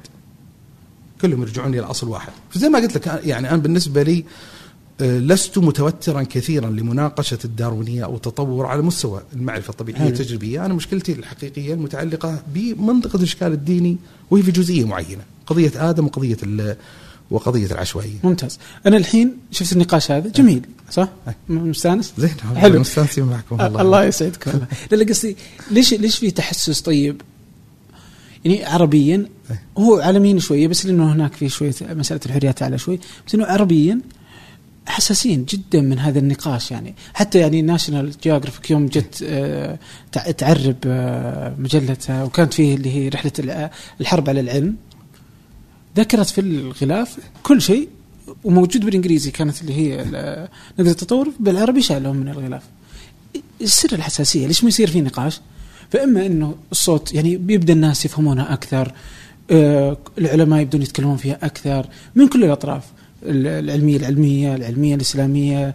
هذه تخلي تخلي الإنسان البسيط يعني اللي ما له آه، قدرة أو وقت إنه يجلس يتبحر في هذه المسائل يقدر يحصل شكل أفضل يعني من هذه النقاشات. فليش السبب التحسس؟ يعني ليش ما نشوف في نقاشات اليوم على السطح والناس تحسس منها؟ يعني وتحس إنه أوه إيش يبغى ذا؟ والله يعني طبعا والأمثلة كثيرة صح؟ إنه في حساسية يعني. في طبعا في حساسية وفي مبررات الحساسية موجودة ومتفهمه، طبعا هو جزء من الإشكالية اللي اظنه كبير جدا نحتاج أن يتم معالجة جذريا في الوطن العربي بشكل عام إن ترى نحن مجرد مستهلكون معرفيون لسنا. منتجين المعرفة. يعني جزء من الوضعية ترى وضعية طبيعية. يعني كل الجدل الحقيقي اللي يدور حول هذه الملفات على المستوى الطبيعي العلمي التجريبي ليس في الوطن العربي ليس إحنا مجرد في النهاية متلقين يعني هو الطرف النهائي في تلقي كثير من الإشكاليات الموجودة يعني في ال- في بيئات ومجتمعات أخرى.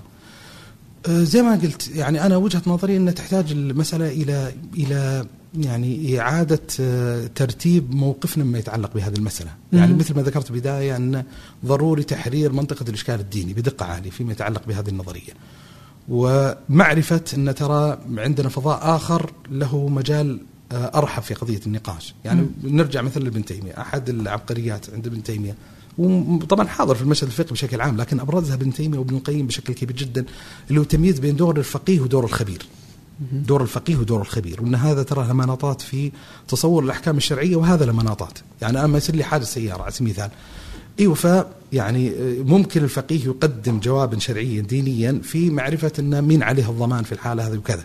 لكن الذي يقدر حجم الضمان الموجود ليس الفقيه، الفقيه ما يقدر يقول مثلا أنت مستحق لي المبلغ الفلاني في مقابل الحال الفلاني، أنت محتاج أن تروح إلى شيخ المعارض ولا ايا كان وكذا الخبير اللي هو يقدر هذه المعادلة وهذه المعضلة.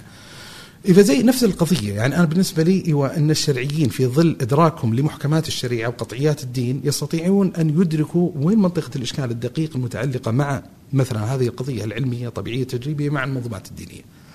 لكن ما وراء ذلك ما وراء ذلك إيوه ليس مكلفا ولا مطلوبا ولا من العقلانية أنه يطالب الفقيه ويطالب العالم انه يكون متخصص في كل المجالات المعرفية ويقدم جوابات في كل شيء. إي مطلوب من الخبراء أنهم يناقشون هذه القضية. لكن المشكلة يعني اللي اللي اللي أظن ضروري أن يتنبأ لها وتدرك أن ترى المنظومة الأكاديمية العالمية اليوم ليست حيادية في موقفها من الإطار الديني. يعني هم هم يعتقدون إنه واجب على الإنسان لحظة ما يدخل داخل المعمل المختبر لابد إنه ينزع جبة الفقيه، جبة العقدي، جبة صح. المتدين ويدخل إلى فضاء معلما خلينا نقول. ولا يمنع أصلا ولا إلا لما تدخل معمل الكيمياء ما له دخل إنك تدخل الدين معك صح؟ يعني خلينا نعالج على المستويين افترض أنا قاعد أطرح الحين كالآتي افترض إن عندي قطعيات ومحكمات متعلقة بهذا الإطار آه. عندي أمر قطعي محكم يقيني زين فانا ما ما أقدر أتنازل عن هذا المحكم. يعني أعطي مثال كتصور إسلامي ديني. مثلا لما يقول النبي صلى الله عليه وسلم مثلا لكل داء دواء. زين؟ آه، علمه من علمه الا إلا الموت. ماشي؟ الحديث هذا طبعا يشكل لي كمتدين مهتم بالمجال المعرفي محفزا يعني خلينا نقول معرفيا هائلا كبيرا جدا. لأن مهما صدمت بجدار مما يتعلق بالأمراض الموجودة فأنا على ثقة وعلى يقين ومحرك حتى دينيا إن في علاج. في دواء. جيد؟ ففي تحفيز. لكني مدرك إن الموت ما له اي الموت ما ما, ما نستطيع معالجة الموت. عرفت قصدي؟ هذا اللي اقصد إن عندي منطقة من قبيل المحكم الديني، المحكم العقدي إنك ميت وأنهم ميتون. آه، بدلاء القرآنية كثيرة تدل على الموت. ورد الحديث هذا اللي يكشف أن ترى كل دواء له كل داء له دواء. إلا الموت أو السام ما له ما له علاج. فخلاص المنطقة هذه إيه بالنسبة لي يعني ما, ما يحتاج الإنسان يقدم فيها جهدا بحثيا مستهلكا فيما يتعلق بها هذا باعتبار المحرك الديني جيد. الجانب الثاني ترى يعني يعني أبي يحسن تعبير عنها فكرة البارادايم يعني أحد القضايا اللي ينبغي أن نلاحظها في طبيعة العلوم الطبيعية التجريبية انه يقدر الإنسان يتعامل مع كثير من معارف العلوم تعامل براغماتي. يعني البشرية لما كانت تعتقد أن الأرض هو مركز الكون والشمس هي اللي تدور وكذا ترى كان يقدم هذا خدمات معرفية جيدة. يعني كانت ماضي الحياة جيد، كانوا يعرفون مثلا في رصد النجوم وين مواقعها وموقعها وكذا مع اعتقاد غلط قائم على فكرة معينة. إيه فتحصيل المنفعة من معرفة ما ترى جهة منفكة عن صحة هذه المعرفة أو عدم صحتها. وبالتالي افترض جدلا أن في فائدة معرفية. أنا أقول افترض جدلا. بس أن في فائدة معرفية من تبني المنظومة الداروينية كإطار مفسر. إيه أنا أقدر أعزل ترى الموقف البراغماتي بالانتفاع من المنظومة المعرفية هذه عن المكون الديني بحيث أنا أقول موقفي دينيا منها شيء زين؟ لكن آه، أقدر آه، يعني أستثمرها براغماتيا ونفعيا في تحصيل المكتبات والمنافع الموجودة منها. طيب حلو. أنا هنا فيه أتذكر كذا كم مرة في فيديو موجود على ثمانية كان يتكلم عن إنه المريخ يعني الحياة على المريخ وما أدري شلون وزي كذا. وأتذكر واحدة من الردود أو كثير من الردود اللي دائما تتردد على هذه المسألة. استحضرتها قبل شوي وأنت تسولف يعني. أه اللي هي إنه الله خلق الأرض فقط هي الصالحه للحياة وما دون ذلك لن ينفع للحياة. طيب إذا جينا وجاء يعني 20 مثلا 26 ولا 20 28 وطلع الإنسان وصار يعيش في المريخ. وعاش ومدري شلون وكذا. يعني وهذا نتكلم عن ترى إيه. كم سنة قدام ما بالك إذا 20 40 اللي صارت واضح إنه الحياة تمام. طيب شو أسوي الحين؟ طيب أمامي نص. واضح إنه لا الحياة هنا فقط. طيب هذاك فهمت؟ هذه الإشكالات شلون؟ وش الحل؟ حقها؟ إيه فهذا ترجع دائما للاصل هل لما تقول نص واضح هل تقصد نص واضح قطعي لا يحتمل آه. إلا هذا المعنى؟ هذا الإشكال. يعني قصدي يعني حتى الموت. أنا مثلا لو واحد جوجل شغال على إنه الظاهر يعني في عندهم مشروع إنه يبغون الإنسان اللي ما يموت. طبعا ما هو إلى الآن واضح إنه مو ماشي. بس إيه، يعني ب- جالسين يبحثونها. يعني يقولون إنه أوه عرفنا وش الإشكالات اللي تخلي الشيخوخه خلينا نشيلها. عرفنا الإشكالات اللي مدري شنو خلينا نشيلها. زي كذا. اي مفهوم. بس هذا هذا اللي أقصده. هو في النهاية هل هذا من قبيل المحكم من قبيل القطعي من. قبيل ال ال اليقيني الذي لا يمكن أن يتغير في نص في خطاب الشارع؟ ولا لا المسألة خاضعة لقدر لا بأس من التاويل الظنية. يعني زي ما قلت لك الدلالات النصوص الشرعية لما أتكلم مثلا قضية تسطح الأرض انبساط الأرض اي فأنا أقول لك لاحظ في لحظة ما هذه الآيات القرآنية موجودة يجيك الإمام بن حزم ترى في قرن متقدم من الزمان وبعده ابن تيمية وغير معالم العلماء المسلمين ينقلون إجماع أهل العلم على كروية الأرض. إيه. حتى ابن إجماع- خلدون كان يقول ينقلون إنه- إجماع أهل العلم على كروية الأرض. طيب وهذه النصوص؟ أوبس. هذا حماس يصلح يعني. هذا. طبعا اللي يسمع طار الميكروفون. لا زين زين. فقصدي الفكرة عائده لفكرة القطعية والظنية. إيه. ان إن لابد يعني يفرز الإنسان في ضوء معايير. وضعها أئمة الإسلام في أصول الفقه في مناهج الاستدلال بالنص الشرعي مصادر التلقي الدينية الشرعية. إنه يفرز الإنسان منطقة الإحكام القطعي اليقيني ويحافظ عليه. وهي أحد ال- ال- المواضع الابتلاء والاختبار لصحة الدين. زين؟ ومناطق الظنيات. يعني لو أورد علي إشكالية قال لي إن لا يمكن أن يعيش الإنسان على سطح المريخ. لأن زين ذلك يعارض بعض الدلائل الشرعية. إيه فأنا أقول جيب لي الدلائل الشرعية؟ آه، أوكي. فأنا أقول لك بادي الرأي بالنسبة لي مهما أقام من دلالة متعلقة بهذا الباب فلن يستطيع الوصول إلى دلالة قطعية متعلقة بهذه المسألة بحيث إن ما يصح الإنسان يروح ينقلب على قطعيات الدين. مم. يعني قطعيات ومحكمات الدين. يعني خليني أقربها حتى تتضح مثلا المتلقي والسامع من خلال ال- من خلال نموذج ديني صرف. مثلا أحد الأدلة اللي استخدمها بعض النصارى في زمن النبي صلى الله عليه وسلم في الاستدلال بالنص القرآني على التثليث إن القرآن الكريم فيه آه، الثالوث الأقدس. طيب وين؟ يقول لك أول آية في القرآن الكريم بسم الله الرحمن الرحيم. شوف الله الرحمن آه. الرحيم. هذا ال- الأب والابن والروح القدس.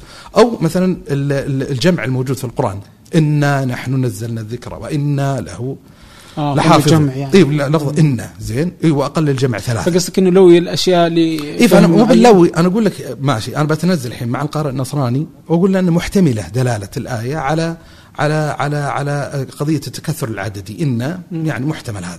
لكن تحتمل عربية انها للتعظيم. وإن تجد في لغة الملوك آه، أمرنا وعادي يصير هذا. أنا مثلا في إهداء موجود لكم زين كاتب محبكم زين وأنت شخصية واحدة في قصدي يرد هذا يسوغ هذا عربية. طيب في ضوء محكمات الوحي زين إذا قرأ الإنسان وإلهكم إله واحد قل هو الله أحد زين فهذه دلالة محكمة تدل على وحدانية الله عز وجل. فأنا بروح الدلالة الظنية خلينا التنزل الموجودة بروح أصرفها إلى هذه الدلالة المحكمة. فهذه تغلب هذه. اي فبالنسبة لي ضروري الفرز يعني ضروري إدراك ما هو من قبيل القطعي ما هو من قبيل الظني يعني هذه يعني أظن إن إن إن هو مفتاح الحل لكثير من الإشكاليات. بحيث ما يوسع الإنسان دائرة الظنيات بحيث تغطي منطقة هي من قبيل قطعيات الدين ولا يتوسع الإنسان في القطعيات بحيث فعلا يجعل العلوم الطبيعية التجريبية مجال فتنة لكثير من الشباب مدعيا أن الإسلام يتعارض مع حقائق علمية طبيعية. وهنا ذكرت قبل قليل قضية الإعجاز العلمي في القرآن.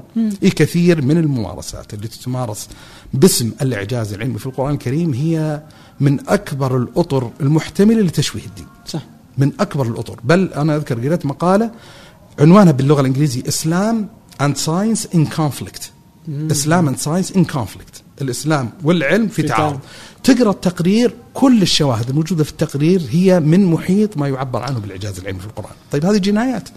يعني حقيقية تمارس. يعني على الدين باسم باسم بعض من يريد خدمة الدين. إيه فإحنا معترفين. مثلا من أحد الكتب العلمية الجيدة في ضبط بعض الجوانب المتعلقة بالإعجاز العلمي كتاب للشيخ مساعد الطيار. دكتور مختص في علم القرآن وعلوم التفسير. ومن أعلم يعني أهل الزمان هذا في هذين المجالين آه، له كتاب الإعجاز العلمي إلى أين؟ الإعجاز العلمي إلى أين؟ محاولة لضبط المصطلح مفهوم الإعجاز العلمي إيش الضوابط المتعلقة بهذا الإطار وما ال- الاستثمار الأمثل للتعلق به بهذا الإطار. فهنا هنا أعتقد انها قضيه في غاية الأهمية. هي كذلك. الآن يعني آه، أذن المغرب. ف... آه، ولا الحديث والله يعني آه، لا يمل يعني لعل إن شاء الله إنه نتحدث ثانية الله يسلمك. في حلقة الله يعني ثانية. حديثك رائع جدا حقيقة يعني. آه، مقاطعك آه، كلها بإذن الله بتكون في آه، وصف ال- ال- الحلقة. وكذلك موجود برضو على تويتر اللي لا غنى لك عنك. الله يسلمك. جزاك الله خير. الله يسعدك فرصه طيبة. بياخذ وقتك هو يعني. الله يعطيك العافية. شكرا جزيلا لك. الله آه شكرا لك شرفتني في آه هذا المكان وفي هذا البودكاست. وأخذت من وقتك. الله يسعدك. شكرا فرصه طيبه الله يحييك